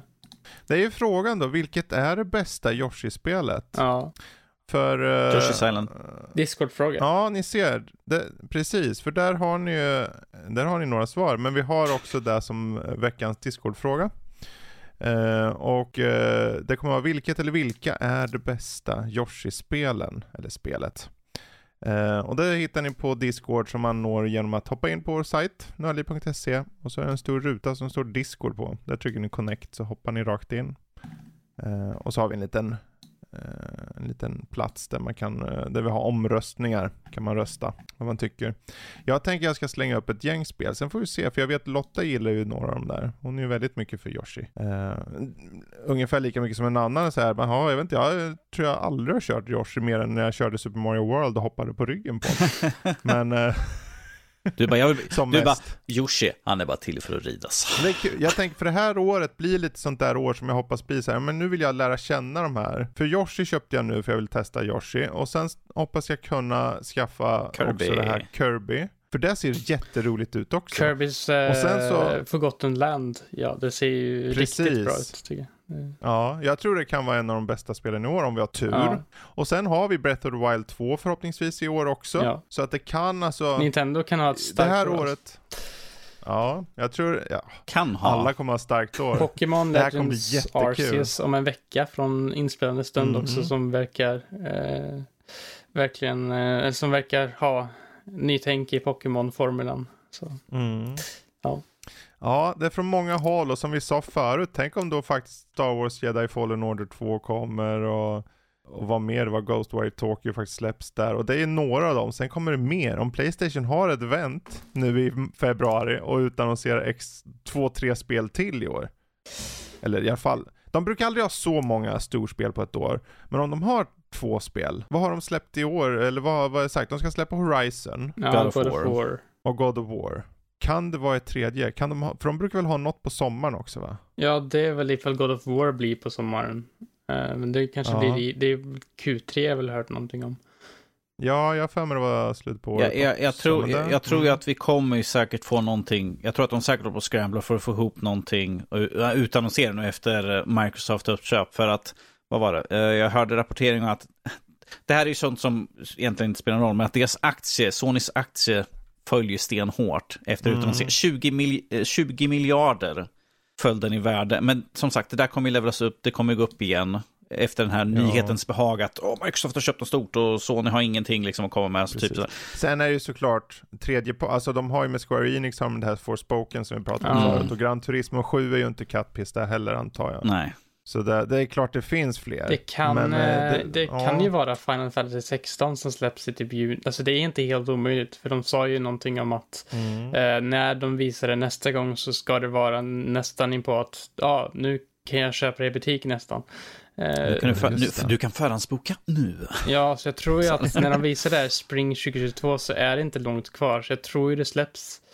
Jag skulle inte vara förvånad om det släpps 2022. Eh, och, och då är kanske inte ens i slutet utan i mitten. Ja. Så, eh, Det ja. kommer bli ett pangår, det Ja. vet vi. Det, det vet vi, på alla plattformar. Jag ser fram emot att testa de här, för att gå tillbaka till Yoshi.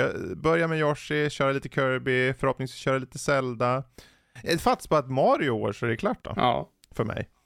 Ehm, ja, roligt. Men eh, vet ni vad, jag tror vi tar och rundar av där. Vi, har, vi hade egentligen fler spel och så, men vi tar och spara på dem. Vi tar eh, spara på konfekten lite grann. Suga på karamellen Ehm, helt mm. enkelt. Exakt, och än en gång är det så ni vill besvara på den här frågan på Discord, alltså vilket eller vilka är de bästa Yoshi-spelen eller spelet? Då är det på Discord som gäller. Och det är hoppa in på nördliv.se, tryck på Discord-knappen och hoppa in och ja, ni kan ju skriva vad ni tycker om ni vill i speldiskussionen, men ni kan också bara göra det ja eller nej eller vad som helst eller vad det blir för några svarsmöjligheter möjligheter där Precis. i den omröstningen. Och eh, vill ni nå oss direkt, info at nordlivpodcast.se är mejlen och eh, på sociala medier är det nordliv.se och det är både Instagram, Twitter och Facebook. Så där. Det är väl allt va? Ja. Det är allt. Yes. Nu har vi tagit upp allting Allt som, finns. i hela världen sådär. Vi har bubblat på som tusen för vi var så här, jag har varit så här jätteenergisk, åh jag vill prata om allt det här, vad kul det ska bli, oj oj oj. Så ja, det kanske skruvades upp här och var men det, det vart, jag tycker det var mysigt. Ja. Om vi, om vi säger så här. mysigt. Vi kommer prata mer om det. Ja. Alltihopa. Precis. Så ha det gott alla där ute och tack för att du Danny och tack för att du Jesper var här och tack till mig själv och hej då. Toodaloo.